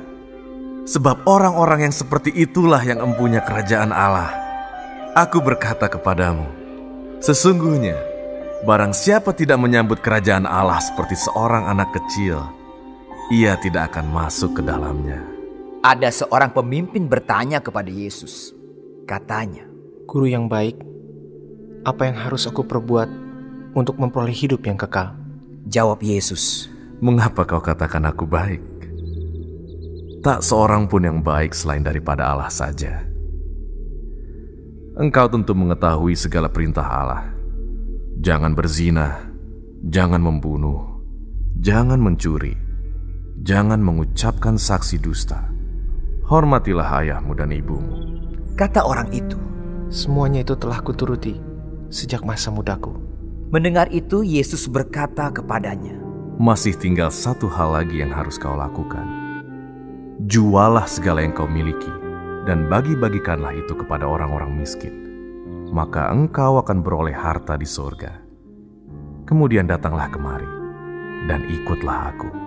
Ketika orang itu mendengar perkataan itu, ia menjadi amat sedih, sebab ia sangat kaya. Lalu Yesus memandang dia dan berkata, Alangkah sukarnya orang yang beruang masuk ke dalam kerajaan Allah. Sebab lebih mudah seekor unta masuk melalui lubang jarum daripada seorang kaya masuk ke dalam kerajaan Allah. Dan mereka yang mendengar itu berkata, Jika demikian, siapakah yang dapat diselamatkan? Kata Yesus, Apa yang tidak mungkin bagi manusia, mungkin bagi Allah. Petrus berkata, Kami ini telah meninggalkan segala kepunyaan kami dan mengikut engkau. Kata Yesus kepada mereka, Aku berkata kepadamu, sesungguhnya setiap orang yang karena kerajaan Allah meninggalkan rumahnya, istrinya atau saudaranya, orang tuanya atau anak-anaknya, akan menerima kembali lipat ganda pada masa ini juga. Dan pada zaman yang akan datang, ia akan menerima hidup yang kekal. Yesus memanggil kedua belas muridnya, lalu berkata kepada mereka, Sekarang kita pergi ke Yerusalem, dan segala sesuatu yang ditulis oleh para nabi mengenai anak manusia akan digenapi. Sebab ia akan diserahkan kepada bangsa-bangsa yang tidak mengenal Allah, diolok-olokan, dihina dan diludahi, dan mereka menyesah dan membunuh dia. Dan pada hari ketiga, ia akan bangkit. Akan tetapi mereka sama sekali tidak mengerti semuanya itu. Arti perkataan itu tersembunyi bagi mereka dan mereka tidak tahu apa yang dimaksudkan. Waktu Yesus hampir tiba di Yeriko, ada seorang buta yang duduk di pinggir jalan dan mengemis. Waktu orang itu mendengar orang banyak lewat, ia bertanya, "Apa itu?" Kata orang kepadanya, "Yesus orang Nazaret lewat." Lalu ia berseru, "Yesus, anak Daud, kasihanilah aku." Maka mereka yang berjalan di depan menegur dia supaya ia diam. Namun semakin keras ia berseru, Anak Daud, kasihanilah aku. Lalu Yesus berhenti dan menyuruh membawa orang itu kepadanya. Dan ketika ia telah berada di dekatnya, Yesus bertanya kepadanya, Apa yang kau kehendaki supaya aku perbuat bagimu? Jawab orang itu, Tuhan, supaya aku dapat melihat. Lalu kata Yesus kepadanya, Melihatlah engkau, imanmu telah menyelamatkan engkau. Dan seketika itu juga melihatlah ia, lalu mengikuti dia sambil memuliakan Allah. Seluruh rakyat melihat hal itu dan memuji-muji Allah. Yesus masuk ke kota Yeriko dan berjalan terus melintasi kota itu. Di situ ada seorang bernama Sakius, kepala pemungut cukai, dan ia seorang yang kaya. Ia berusaha untuk melihat orang apakah Yesus itu, tetapi ia tidak berhasil karena orang banyak sebab badannya pendek. Maka berlarilah ia mendahului orang banyak, lalu memanjat pohon ara untuk melihat Yesus yang akan lewat di situ. Ketika Yesus sampai ke tempat itu, ia melihat ke atas dan berkata, Zakeus, segeralah turun. Sebab hari ini aku harus menumpang di rumahmu. Lalu Sakius segera turun dan menerima Yesus dengan sukacita. Tetapi semua orang yang melihat hal itu bersungut-sungut. Katanya, ia menumpang di rumah orang berdosa. Tetapi Sakius berdiri dan berkata kepada Tuhan, Tuhan, setengah dari milikku akan kuberikan kepada orang miskin. Dan sekiranya ada sesuatu yang kuperas dari seseorang, akan kukembalikan empat kali lipat. Kata Yesus kepadanya, Hari ini telah terjadi keselamatan kepada rumah ini. Karena orang ini pun anak Abraham. Sebab anak manusia datang untuk mencari dan menyelamatkan yang hilang. Untuk mereka yang mendengarkan dia di situ, Yesus melanjutkan perkataannya dengan suatu perumpamaan sebab ia sudah dekat Yerusalem dan mereka menyangka bahwa kerajaan Allah akan segera kelihatan. Maka ia berkata, Ada seorang bangsawan berangkat ke sebuah negeri yang jauh untuk dinobatkan menjadi raja di situ. Dan setelah itu baru kembali. Ia memanggil sepuluh orang hambanya dan memberikan sepuluh mina kepada mereka. Katanya, Pakailah ini untuk berdagang sampai aku datang kembali. Akan tetapi orang-orang sebangsanya membenci dia, lalu mengirimkan utusan menyusul dia untuk mengatakan, "Kami tidak mau orang ini menjadi raja atas kami." Dan terjadilah ketika ia kembali, setelah ia dinobatkan menjadi raja, ia menyuruh memanggil hamba-hambanya yang telah diberinya uang itu untuk mengetahui berapa hasil dagang mereka masing-masing. Orang yang pertama datang dan berkata, Tuan, mina tuan yang satu itu telah menghasilkan sepuluh mina. Katanya kepada orang itu, Baik sekali perbuatanmu itu, hai hamba yang baik. Engkau telah setia dalam perkara kecil, karena itu terimalah kekuasaan atas sepuluh kota. Datanglah yang kedua dan berkata, Tuan, mina tuan telah menghasilkan lima mina. Katanya kepada orang itu, dan engkau kuasailah lima kota. Dan hamba yang ketiga datang dan berkata, Tuan, inilah mina Tuan. Aku telah menyimpannya dalam sapu tangan. Sebab aku takut akan Tuan, karena Tuan adalah manusia yang keras. Tuan mengambil apa yang tidak pernah Tuan taruh, dan Tuan menuai apa yang tidak Tuan tabur. Katanya kepada orang itu, Hai hamba yang jahat, Aku akan menghakimi engkau menurut perkataanmu sendiri. Engkau sudah tahu bahwa aku adalah orang yang keras, yang mengambil apa yang tidak pernah aku taruh dan menuai apa yang tidak aku tabur. Jika demikian, mengapa uangku itu tidak kau berikan kepada orang yang menjalankan uang? Maka sekembaliku, aku dapat mengambilnya serta dengan bunganya. Lalu katanya kepada orang-orang yang berdiri di situ, Ambillah mina yang satu itu daripadanya, dan berikanlah kepada orang yang mempunyai sepuluh mina itu. Kata mereka kepadanya, Tuan, ia sudah mempunyai sepuluh mina. Jawabnya, Aku berkata kepadamu, setiap orang yang mempunyai, kepadanya akan diberi. Tetapi siapa yang tidak mempunyai, daripadanya akan diambil, juga apa yang ada padanya. Akan tetapi semua seteruku ini yang tidak suka aku menjadi rajanya, bawalah mereka kemari dan bunuhlah mereka di depan mataku. Dan setelah mengatakan semuanya itu, Yesus mendahului mereka dan meneruskan perjalanannya ke Yerusalem. Ketika ia telah dekat Betfage dan Betania yang terletak di gunung yang bernama Bukit Zaitun, Yesus menyuruh dua orang muridnya dengan pesan, Pergilah ke kampung yang di depanmu itu. Pada waktu kamu masuk di situ, kamu akan mendapati seekor keledai muda tertambat yang belum pernah ditunggangi orang. Lepaskanlah keledai itu dan bawalah kemari. Dan jika ada orang bertanya kepadamu, "Mengapa kamu melepaskannya?" Jawablah begini: "Tuhan memerlukannya." Lalu pergilah mereka yang disuruh itu dan mereka mendapati segala sesuatu seperti yang telah dikatakan Yesus. Ketika mereka melepaskan keledai itu, berkatalah orang yang empunya keledai itu. Mengapa kamu melepaskan keledai itu? Kata mereka. Tuhan memerlukannya. Mereka membawa keledai itu kepada Yesus, lalu mengalasinya dengan pakaian mereka dan menolong Yesus naik ke atasnya. Dan sementara Yesus mengendarai keledai itu, mereka menghamparkan pakaiannya di jalan.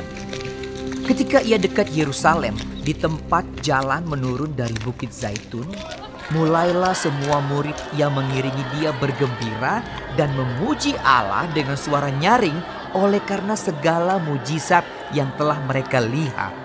Kata mereka, Diberkatilah dia yang datang sebagai raja dalam nama Tuhan. Damai sejahtera di sorga dan kemuliaan di tempat yang maha tinggi. Beberapa orang Farisi yang turut dengan orang banyak itu berkata kepada Yesus, Guru, tegurlah murid-muridmu itu. Jawabnya, Aku berkata kepadamu, jika mereka ini diam, maka batu ini akan berteriak. Dan ketika Yesus telah dekat dan melihat kota itu, ia menangisinya, katanya, Wahai betapa baiknya. Jika pada hari ini juga engkau mengerti apa yang perlu untuk damai sejahteramu. Tetapi sekarang hal itu tersembunyi bagi matamu. Sebab akan datang harinya bahwa musuhmu akan mengelilingi engkau dengan kubu, lalu mengepung engkau dan menghimpit engkau dari segala jurusan. Dan mereka akan membinasakan engkau beserta dengan pendudukmu. Dan pada tembokmu, mereka tidak akan membiarkan satu batu pun tinggal terletak di atas batu yang lain. Karena engkau tidak mengetahui saat bila mana Allah melawat engkau. Lalu Yesus masuk ke bait Allah dan mulailah ia mengusir semua pedagang di situ. Katanya kepada mereka, Ada tertulis, rumahku adalah rumah doa. Tetapi kamu menjadikannya sarang penyamun. Tiap-tiap hari ia mengajar di dalam bait Allah. Imam-imam kepala dan ahli-ahli Taurat serta orang-orang terkemuka dari bangsa Israel berusaha untuk membinasakan dia. Tetapi mereka tidak tahu bagaimana harus melakukannya. Sebab seluruh rakyat terpikat kepadanya dan ingin mendengarkan dia. Pada suatu hari ketika Yesus mengajar orang banyak di bait Allah dan memberitakan Injil, datanglah imam-imam kepala dan ahli-ahli Taurat serta tua-tua ke situ dan mereka berkata kepada Yesus, Katakanlah kepada kami, dengan kuasa manakah engkau melakukan hal-hal itu? Dan siapa yang memberikan kuasa itu kepadamu? Jawab Yesus kepada mereka, Aku juga akan mengajukan suatu pertanyaan kepada kamu. Katakanlah kepadaku, baptisan Yohanes itu dari sorga atau dari manusia? Mereka mempertimbangkannya di antara mereka dan berkata, Jikalau kita katakan dari sorga, ia akan berkata, Mengapakah kamu tidak percaya kepadanya? Tetapi jikalau kita katakan dari manusia, seluruh rakyat akan melempari kita dengan batu. Sebab mereka yakin bahwa Yohanes adalah seorang nabi. Lalu mereka menjawab bahwa mereka tidak tahu dari mana baptisan itu. Maka kata Yesus kepada mereka, Jika demikian, aku juga tidak mengatakan kepadamu dengan kuasa manakah aku melakukan hal-hal itu. Lalu Yesus mengatakan perumpamaan ini kepada orang banyak. Seorang membuka kebun anggur. Kemudian ia menyewakannya kepada penggarap-penggarap, lalu berangkat ke negeri lain untuk waktu yang agak lama. Dan ketika sudah tiba musimnya, ia menyuruh seorang hamba kepada penggarap-penggarap itu supaya mereka menyerahkan sebagian dari hasil kebun anggur itu kepadanya. Tetapi penggarap-penggarap itu memukul hamba itu dan menyuruhnya pulang dengan tangan hampa. Sesudah itu, ia menyuruh seorang hamba yang lain. Tetapi hamba itu juga dipukul dan dipermalukan oleh mereka, lalu disuruh pulang dengan tangan hampa. Selanjutnya ia menyuruh hamba yang ketiga. Tetapi orang itu juga dilukai oleh mereka, lalu dilemparkan keluar kebun itu. Maka kata tuan kebun anggur itu, Apakah yang harus kuperbuat? Aku akan menyuruh anakku yang kekasih. Tentu ia mereka segani. Tetapi ketika penggarap-penggarap itu melihat anaknya itu, mereka berunding. Katanya, ia adalah ahli waris. Mari kita bunuh dia, supaya warisan ini menjadi milik kita. Lalu mereka melemparkan dia keluar kebun anggur itu dan membunuhnya. Sekarang, apa yang akan dilakukan oleh tuan kebun anggur itu dengan mereka? Ia akan datang dan membinasakan penggarap-penggarap itu dan mempercayakan kebun anggur itu kepada orang-orang lain. Mendengar itu mereka berkata, Sekali-kali jangan. Tetapi Yesus memandang mereka dan berkata, Jika demikian, apakah arti nas ini? Batu yang dibuang oleh tukang-tukang bangunan telah menjadi batu penjuru. Barang siapa jatuh ke atas batu itu, ia akan hancur. Dan barang siapa ditimpa batu itu, ia akan remuk. Lalu ahli-ahli Taurat dan imam-imam kepala berusaha menangkap dia pada saat itu juga. Sebab mereka tahu bahwa merekalah yang dimaksudkannya dengan perumpamaan itu. Tetapi mereka takut kepada orang banyak. Ahli-ahli Taurat dan imam-imam kepala mengamat-amati Yesus. Mereka menyuruh kepadanya mata-mata yang berlaku seolah-olah orang jujur, supaya mereka dapat menjeratnya dengan suatu pertanyaan dan menyerahkannya kepada wewenang dan kuasa wali negeri. Orang-orang itu mengajukan pertanyaan ini kepadanya. Guru, kami tahu bahwa segala perkataan dan pengajaranmu benar, dan engkau tidak mencari muka, melainkan dengan jujur mengajar jalan Allah. Apakah kami diperbolehkan membayar pajak kepada kaisar atau tidak? Tetapi Yesus mengetahui maksud mereka yang licik itu, lalu berkata kepada mereka, Tunjukkanlah kepadaku suatu dinar. Gambar dan tulisan siapakah ada padanya? Jawab mereka, Gambar dan tulisan kaisar. Lalu kata Yesus kepada mereka, Kalau begitu, berikanlah kepada kaisar apa yang wajib kamu berikan kepada kaisar, dan kepada Allah apa yang wajib kamu berikan kepada Allah. Dan mereka tidak dapat menjerat dia dalam perkataannya di depan orang banyak. Mereka heran akan jawabnya itu dan mereka diam. Maka datanglah kepada Yesus beberapa orang Saduki yang tidak mengakui adanya kebangkitan. Mereka bertanya kepadanya, Guru, Musa menuliskan perintah ini untuk kita. Jika seorang yang mempunyai saudara laki-laki mati, sedang istrinya masih ada, tetapi ia tidak meninggalkan anak, saudaranya harus kawin dengan istrinya itu dan membangkitkan keturunan bagi saudaranya itu. Adalah tujuh orang bersaudara. Yang pertama, kawin dengan seorang perempuan lalu mati dengan tidak meninggalkan anak. Lalu perempuan itu dikawini oleh yang kedua. Dan oleh yang ketiga. Dan demikianlah berturut-turut oleh ketujuh saudara itu. Mereka semuanya mati dengan tidak meninggalkan anak. Akhirnya, perempuan itu pun mati.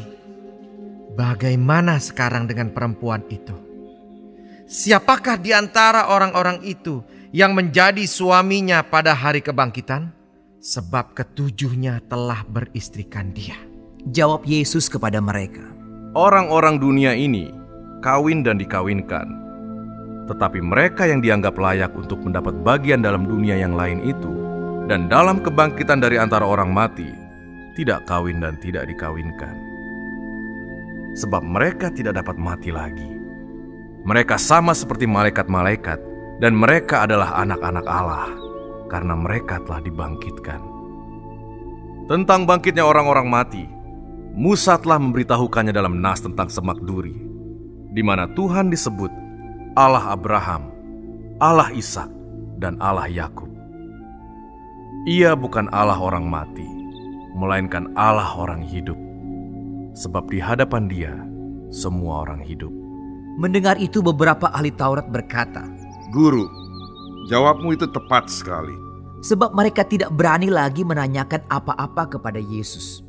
Tetapi Yesus berkata kepada mereka, Bagaimana orang dapat mengatakan bahwa Mesias adalah anak Daud? Sebab Daud sendiri berkata dalam kitab Mazmur, Tuhan telah berfirman kepada Tuanku, Duduklah di sebelah kananku, sampai kubuat musuh-musuhmu menjadi tumpuan kakimu. Jadi Daud menyebut dia tuannya. Bagaimana mungkin ia anaknya pula? Ketika semua orang banyak mendengarkan, Yesus berkata kepada murid-muridnya, Waspadalah terhadap ahli-ahli Taurat yang suka berjalan-jalan memakai jubah panjang dan suka menerima penghormatan di pasar, yang suka duduk di tempat terdepan di rumah ibadat dan di tempat terhormat dalam perjamuan, yang menelan rumah janda-janda dan yang mengelabui mata orang dengan doa yang panjang-panjang. Mereka itu pasti akan menerima hukuman yang lebih berat. Ketika Yesus mengangkat mukanya, ia melihat orang-orang kaya memasukkan persembahan mereka ke dalam peti persembahan. Ia melihat juga seorang janda miskin memasukkan dua peser ke dalam peti itu.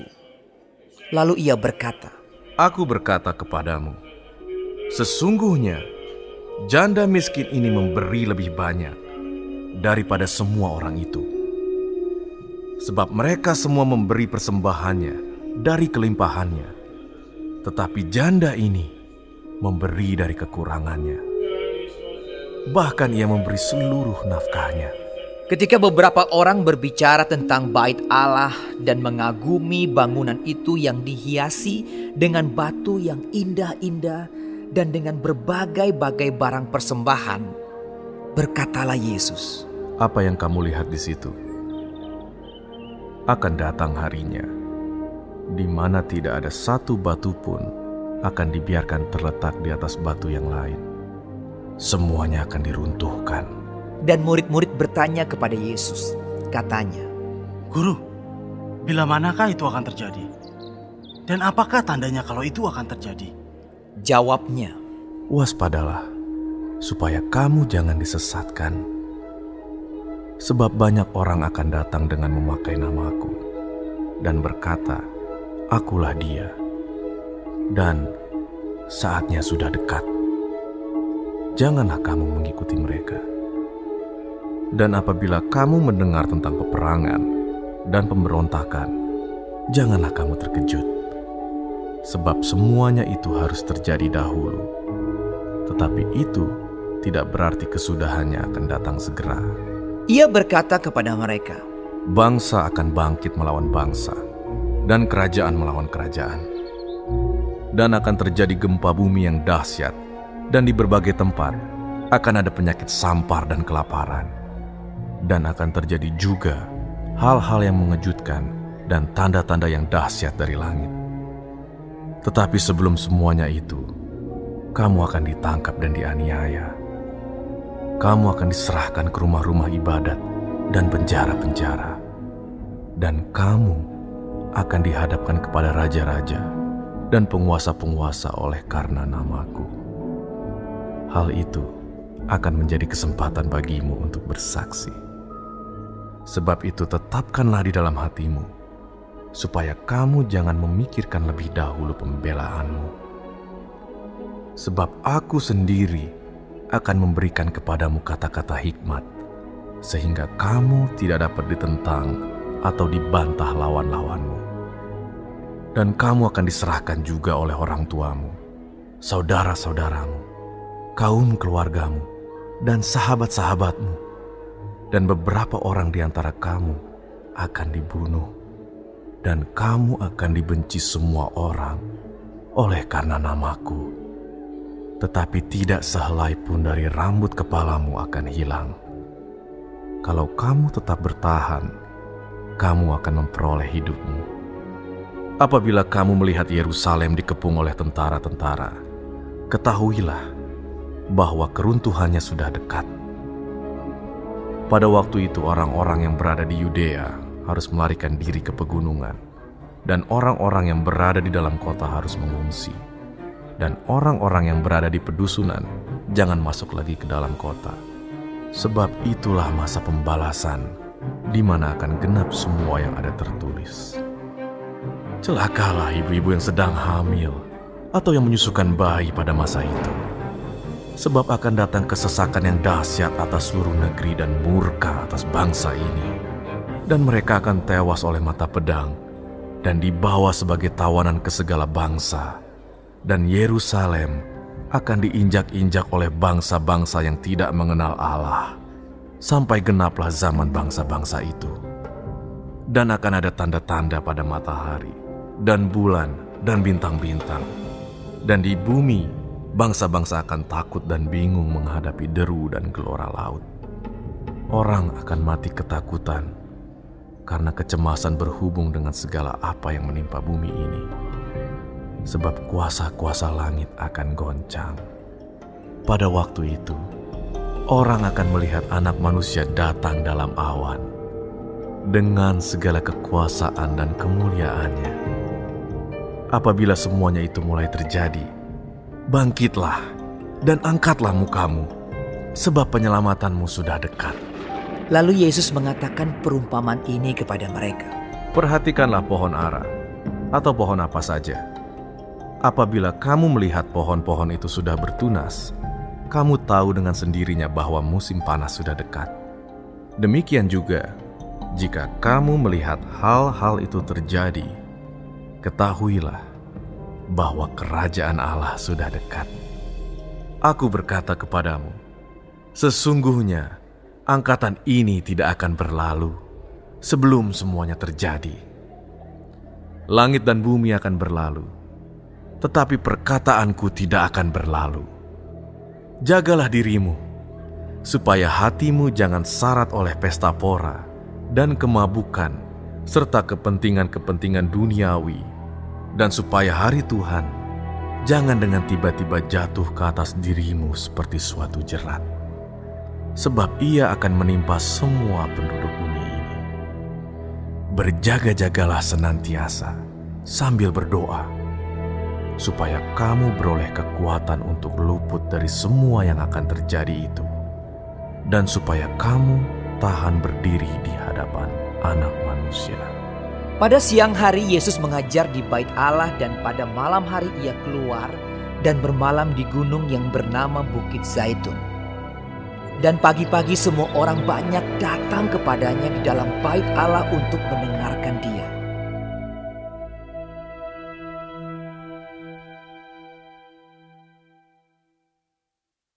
Hari Raya Roti Tidak Beragi yang disebut Paskah sudah dekat.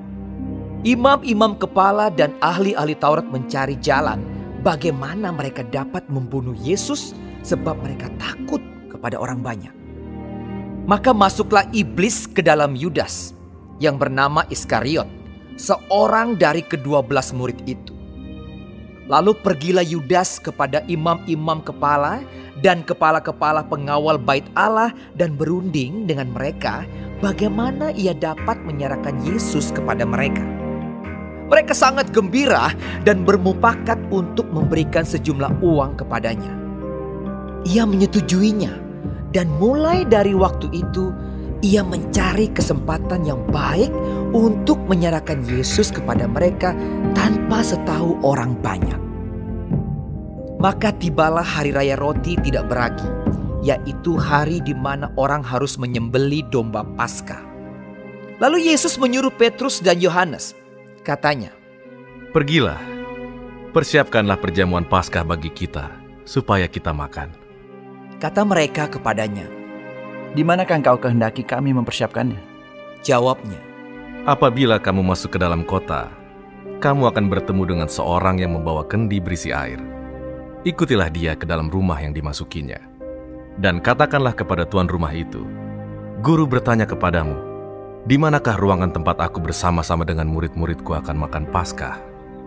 Lalu orang itu akan menunjukkan kepadamu sebuah ruangan atas yang besar, yang sudah lengkap. Di situlah kamu harus mempersiapkannya.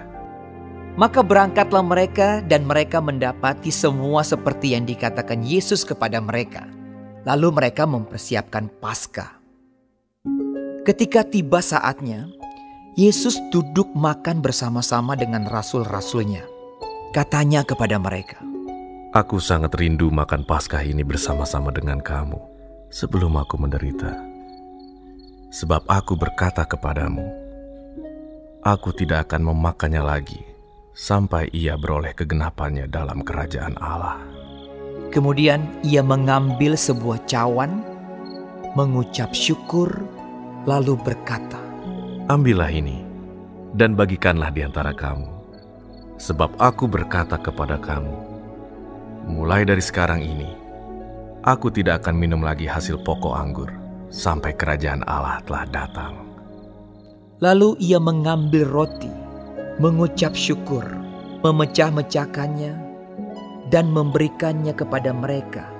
Katanya, Inilah tubuhku yang diserahkan bagi kamu.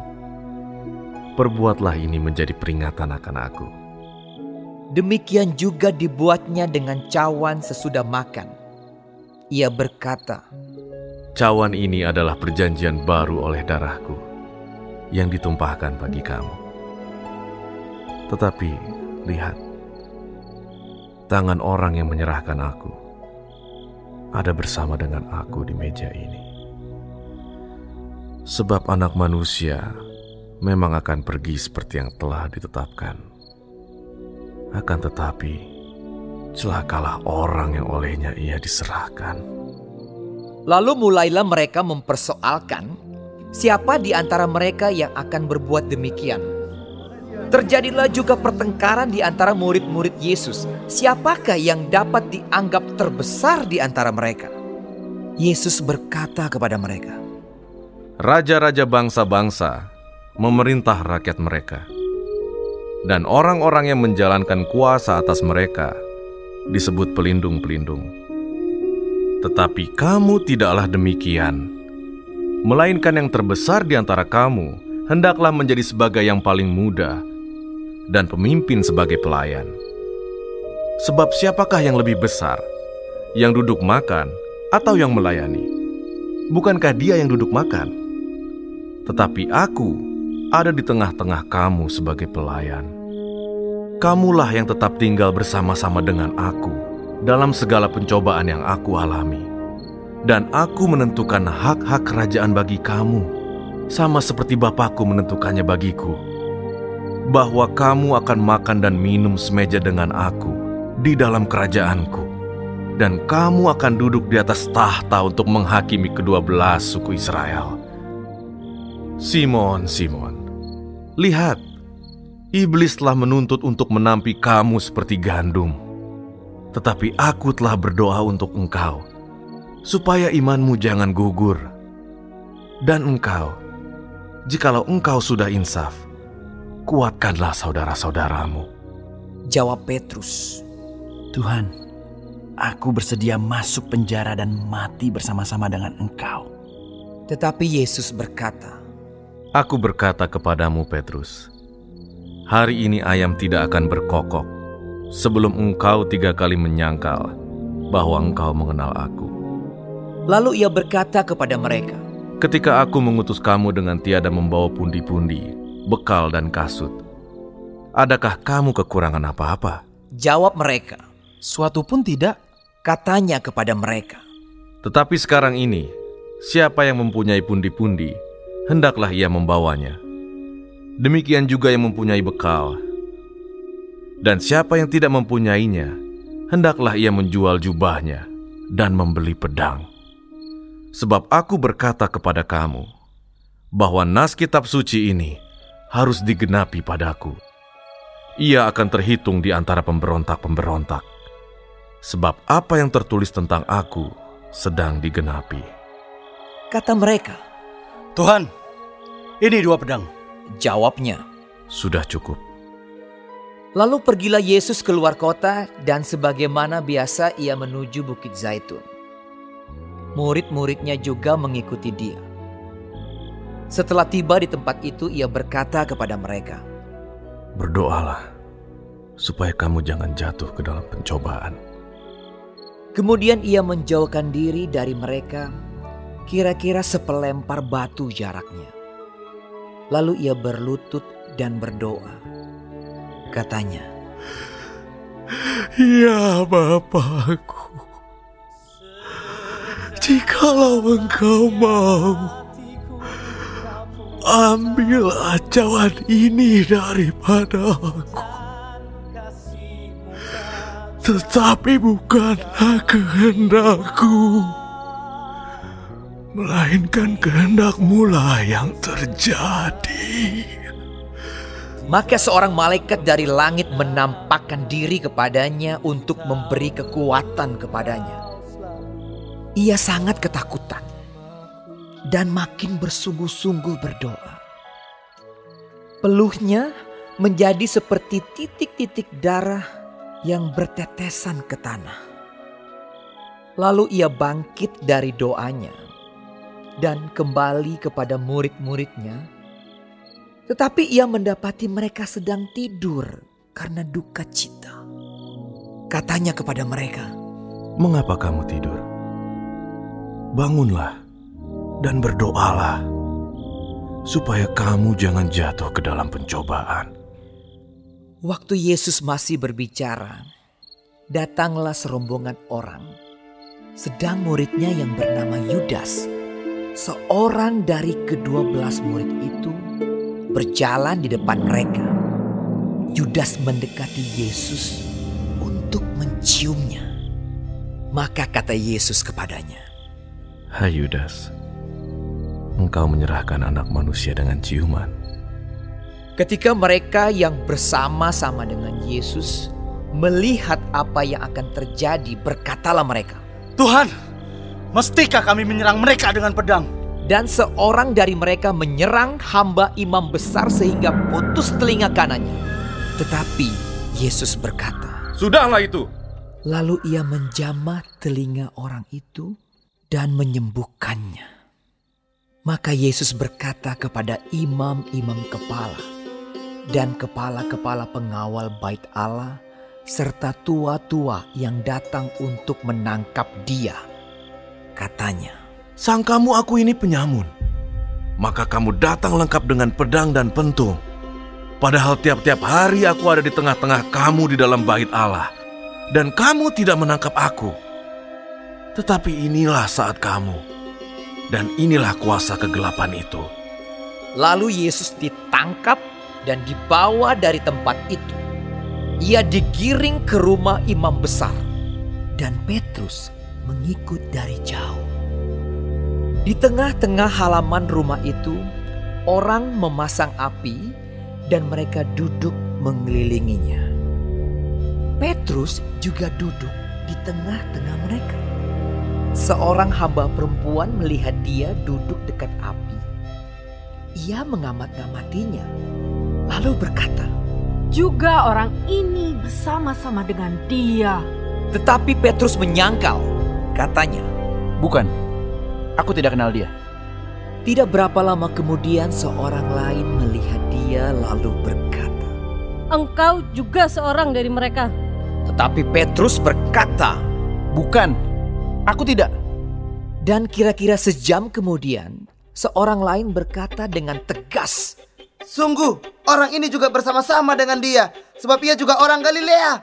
Tetapi Petrus berkata, Bukan, aku tidak tahu apa yang kau katakan.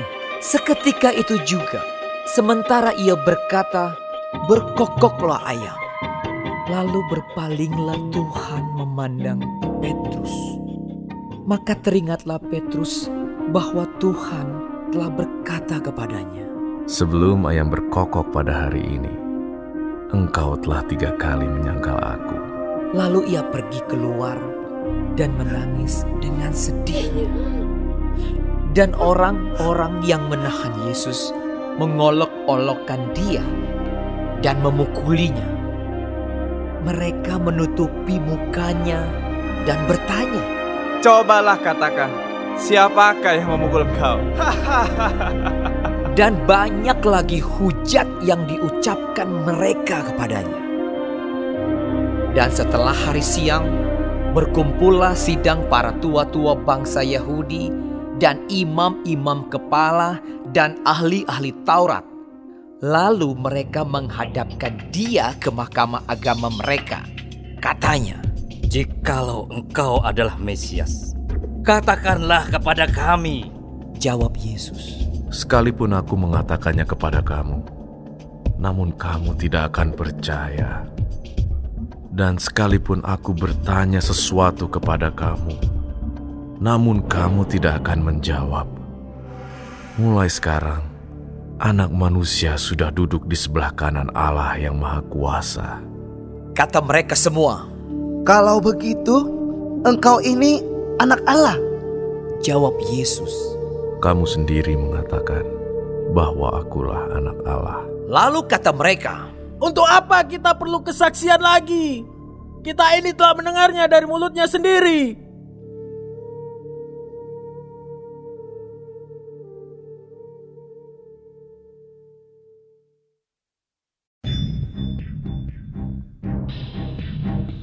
Lalu bangkitlah seluruh sidang itu dan Yesus dibawa menghadap Pilatus. Di situ mereka mulai menuduh dia. Katanya, Telah kedapatan oleh kami bahwa orang ini menyesatkan bangsa kami dan melarang membayar pajak kepada kaisar. Dan tentang dirinya, ia mengatakan bahwa ia adalah Kristus, yaitu raja. Pilatus bertanya kepadanya, Engkaukah raja orang Yahudi? Jawab Yesus, Engkau sendiri mengatakannya. Kata Pilatus kepada imam-imam kepala dan seluruh orang banyak itu, aku tidak mendapati kesalahan apa pun pada orang ini. Tetapi mereka makin kuat mendesak, katanya. Ia menghasut rakyat dengan ajarannya di seluruh Yudea. Ia mulai di Galilea dan sudah sampai ke sini. Ketika Pilatus mendengar itu ia bertanya, apakah orang itu seorang Galilea? Dan ketika ia tahu bahwa Yesus seorang dari wilayah Herodes, ia mengirim dia menghadap Herodes yang pada waktu itu ada juga di Yerusalem. Ketika Herodes melihat Yesus, ia sangat girang. Sebab sudah lama ia ingin melihatnya karena ia sering mendengar tentang dia. Lagi pula, ia mengharapkan melihat bagaimana Yesus mengadakan suatu tanda. Ia mengajukan banyak pertanyaan kepada Yesus, tetapi Yesus tidak memberi jawaban apa pun. Sementara itu, imam-imam kepala dan ahli-ahli Taurat maju ke depan dan melontarkan tuduhan-tuduhan yang berat terhadap dia. Maka mulailah Herodes dan pasukannya menista dan mengolok-olokkan dia. Ia mengenakan jubah kebesaran kepadanya, lalu mengirim dia kembali kepada Pilatus. Dan pada hari itu juga bersahabatlah Herodes dan Pilatus. Sebelum itu, mereka bermusuhan. Lalu Pilatus mengumpulkan imam-imam kepala dan pemimpin-pemimpin serta rakyat dan berkata kepada mereka, Kamu telah membawa orang ini kepadaku sebagai seorang yang menyesatkan rakyat. Kamu lihat sendiri bahwa aku telah memeriksanya. Dan dari kesalahan-kesalahan yang kamu tuduhkan kepadanya, tidak ada yang kudapati padanya. Dan Herodes juga tidak, sebab ia mengirimkan dia kembali kepada kami. Sesungguhnya, tidak ada suatu apa pun yang dilakukannya yang setimpal dengan hukuman mati. Jadi aku akan menghajar dia lalu melepaskannya. Sebab ia wajib melepaskan seorang bagi mereka pada hari raya itu. Tetapi mereka berteriak bersama-sama. Enyahkanlah dia! Lepaskanlah Barabas bagi kami! Barabas ini dimasukkan ke dalam penjara berhubung dengan suatu pemberontakan yang telah terjadi di dalam kota dan karena pembunuhan. Sekali lagi Pilatus berbicara dengan suara keras kepada mereka karena ia ingin melepaskan Yesus. Tetapi mereka berteriak membalasnya. Katanya, Salibkanlah dia! Salibkanlah dia! Kata Pilatus untuk ketiga kalinya kepada mereka. Kejahatan apa yang sebenarnya telah dilakukan orang ini? Tidak ada suatu kesalahan pun yang kudapati padanya yang setimpal dengan hukuman mati. Jadi aku akan menghajar dia lalu melepaskannya. Tetapi dengan berteriak mereka mendesak dan menuntut supaya ia disalibkan dan akhirnya mereka menang dengan teriak mereka. Lalu Pilatus memutuskan supaya tuntutan mereka dikabulkan. Dan ia melepaskan orang yang dimasukkan ke dalam penjara karena pemberontakan dan pembunuhan itu sesuai dengan tuntutan mereka. Tetapi Yesus diserahkannya kepada mereka untuk diperlakukan semau-maunya. Ketika mereka membawa Yesus, mereka menahan seorang yang bernama Simon dari Kirene yang baru datang dari luar kota, lalu diletakkan salib itu di atas bahunya supaya dipikunya sambil mengikuti Yesus. Sejumlah besar orang mengikuti dia, di antaranya banyak perempuan yang menangisi dan meratapi dia. Yesus berpaling kepada mereka dan berkata, Hai putri-putri Yerusalem, janganlah kamu menangisi aku, melainkan tangisilah dirimu sendiri dan anak-anakmu.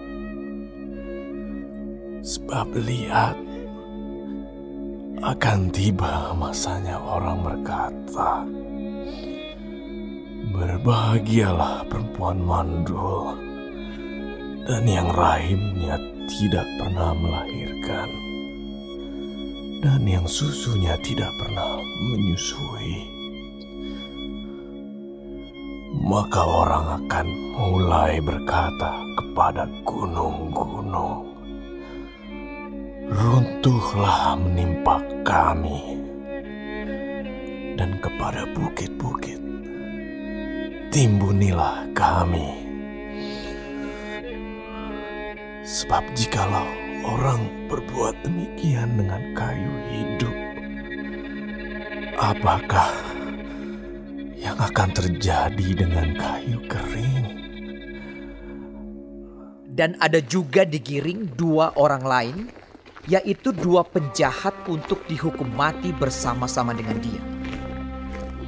Ketika mereka sampai di tempat yang bernama Tengkorak, mereka menyalibkan Yesus di situ dan juga kedua orang penjahat itu.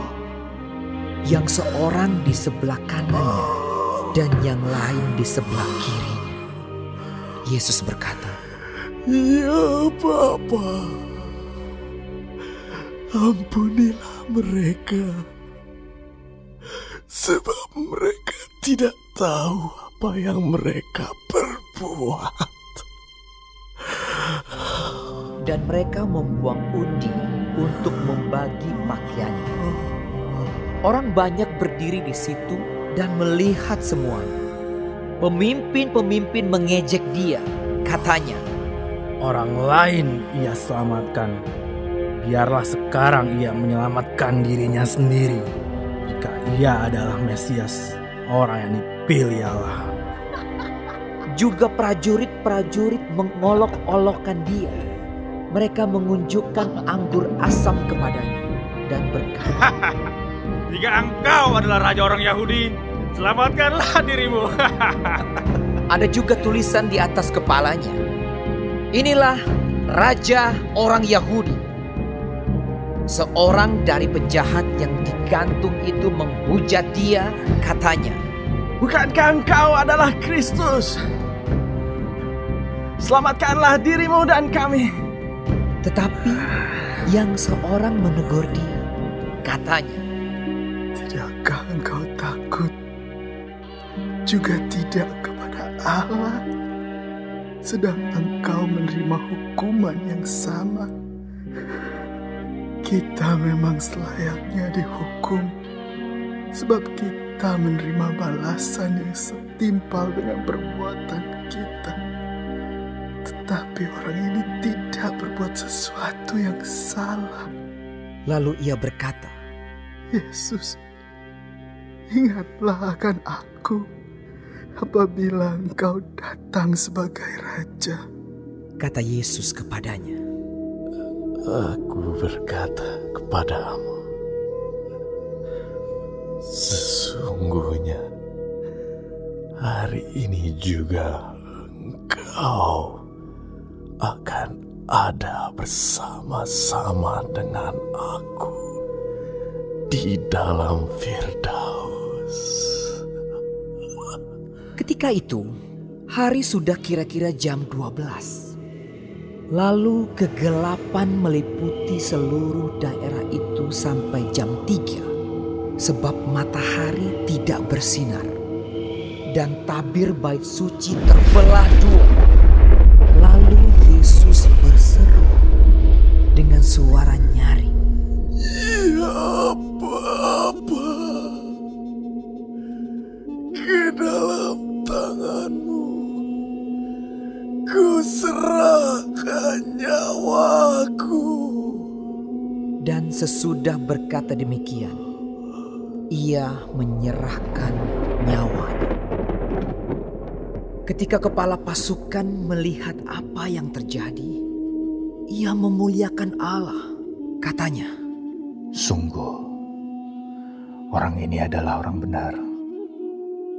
Dan sesudah seluruh orang banyak yang datang berkerumun di situ untuk tontonan itu, melihat apa yang terjadi itu, pulanglah mereka sambil memukul-mukul diri. Semua orang yang mengenal Yesus dari dekat, termasuk perempuan-perempuan yang mengikuti dia dari Galilea, berdiri jauh-jauh dan melihat semuanya itu. Adalah seorang yang bernama Yusuf. Ia anggota majelis besar dan seorang yang baik lagi benar. Ia tidak setuju dengan putusan dan tindakan majelis itu. Ia berasal dari Arimatea, sebuah kota Yahudi dan ia menanti-nantikan kerajaan Allah. Ia pergi menghadap Pilatus dan meminta mayat Yesus. Dan sesudah ia menurunkan mayat itu, ia mengapaninya dengan kain lenan. Lalu membaringkannya di dalam kubur yang digali di dalam bukit batu di mana belum pernah dibaringkan mayat. Hari itu adalah hari persiapan dan sabat hampir mulai. Dan perempuan-perempuan yang datang bersama-sama dengan Yesus dari Galilea ikut serta dan mereka melihat kubur itu dan bagaimana mayatnya dibaringkan. Dan setelah pulang, mereka menyediakan rempah-rempah dan minyak mur. Dan pada hari sabat mereka beristirahat menurut hukum Taurat. Tetapi pagi-pagi benar, pada hari pertama minggu itu, mereka pergi ke kubur membawa rempah-rempah yang telah disediakan mereka. Mereka mendapati batu sudah terguling dari kubur itu, dan setelah masuk, mereka tidak menemukan mayat Tuhan Yesus. Sementara mereka berdiri termangu-mangu karena hal itu, tiba-tiba ada dua orang berdiri dekat mereka, memakai pakaian yang berkilau-kilauan. Mereka sangat ketakutan dan menundukkan kepala. Tetapi kedua orang itu berkata kepada mereka, "Mengapa kamu mencari Dia yang hidup di antara orang mati?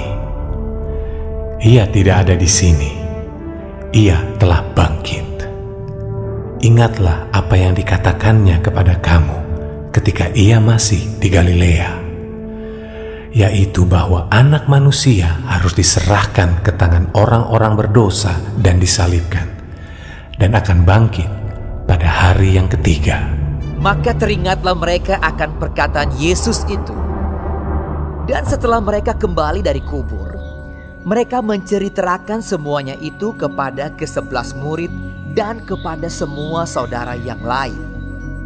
Perempuan-perempuan itu ialah Maria dari Magdala dan Yohana dan Maria ibu Yakobus dan perempuan-perempuan lain juga yang bersama-sama dengan mereka memberitahukannya kepada rasul-rasul.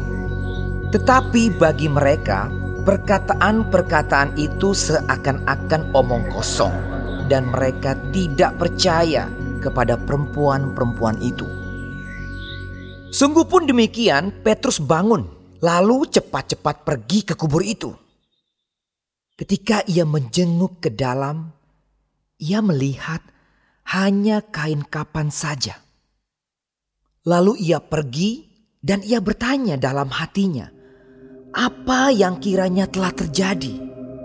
Pada hari itu juga dua orang dari murid-murid Yesus pergi ke sebuah kampung bernama Emmaus yang terletak kira-kira tujuh mil jauhnya dari Yerusalem dan mereka bercakap-cakap tentang segala sesuatu yang telah terjadi. Ketika mereka sedang bercakap-cakap dan bertukar pikiran, datanglah Yesus sendiri mendekati mereka lalu berjalan bersama-sama dengan mereka. Tetapi ada sesuatu yang menghalangi mata mereka sehingga mereka tidak dapat mengenal Dia. Yesus berkata kepada mereka, "Apakah yang kamu percakapkan sementara kamu berjalan?"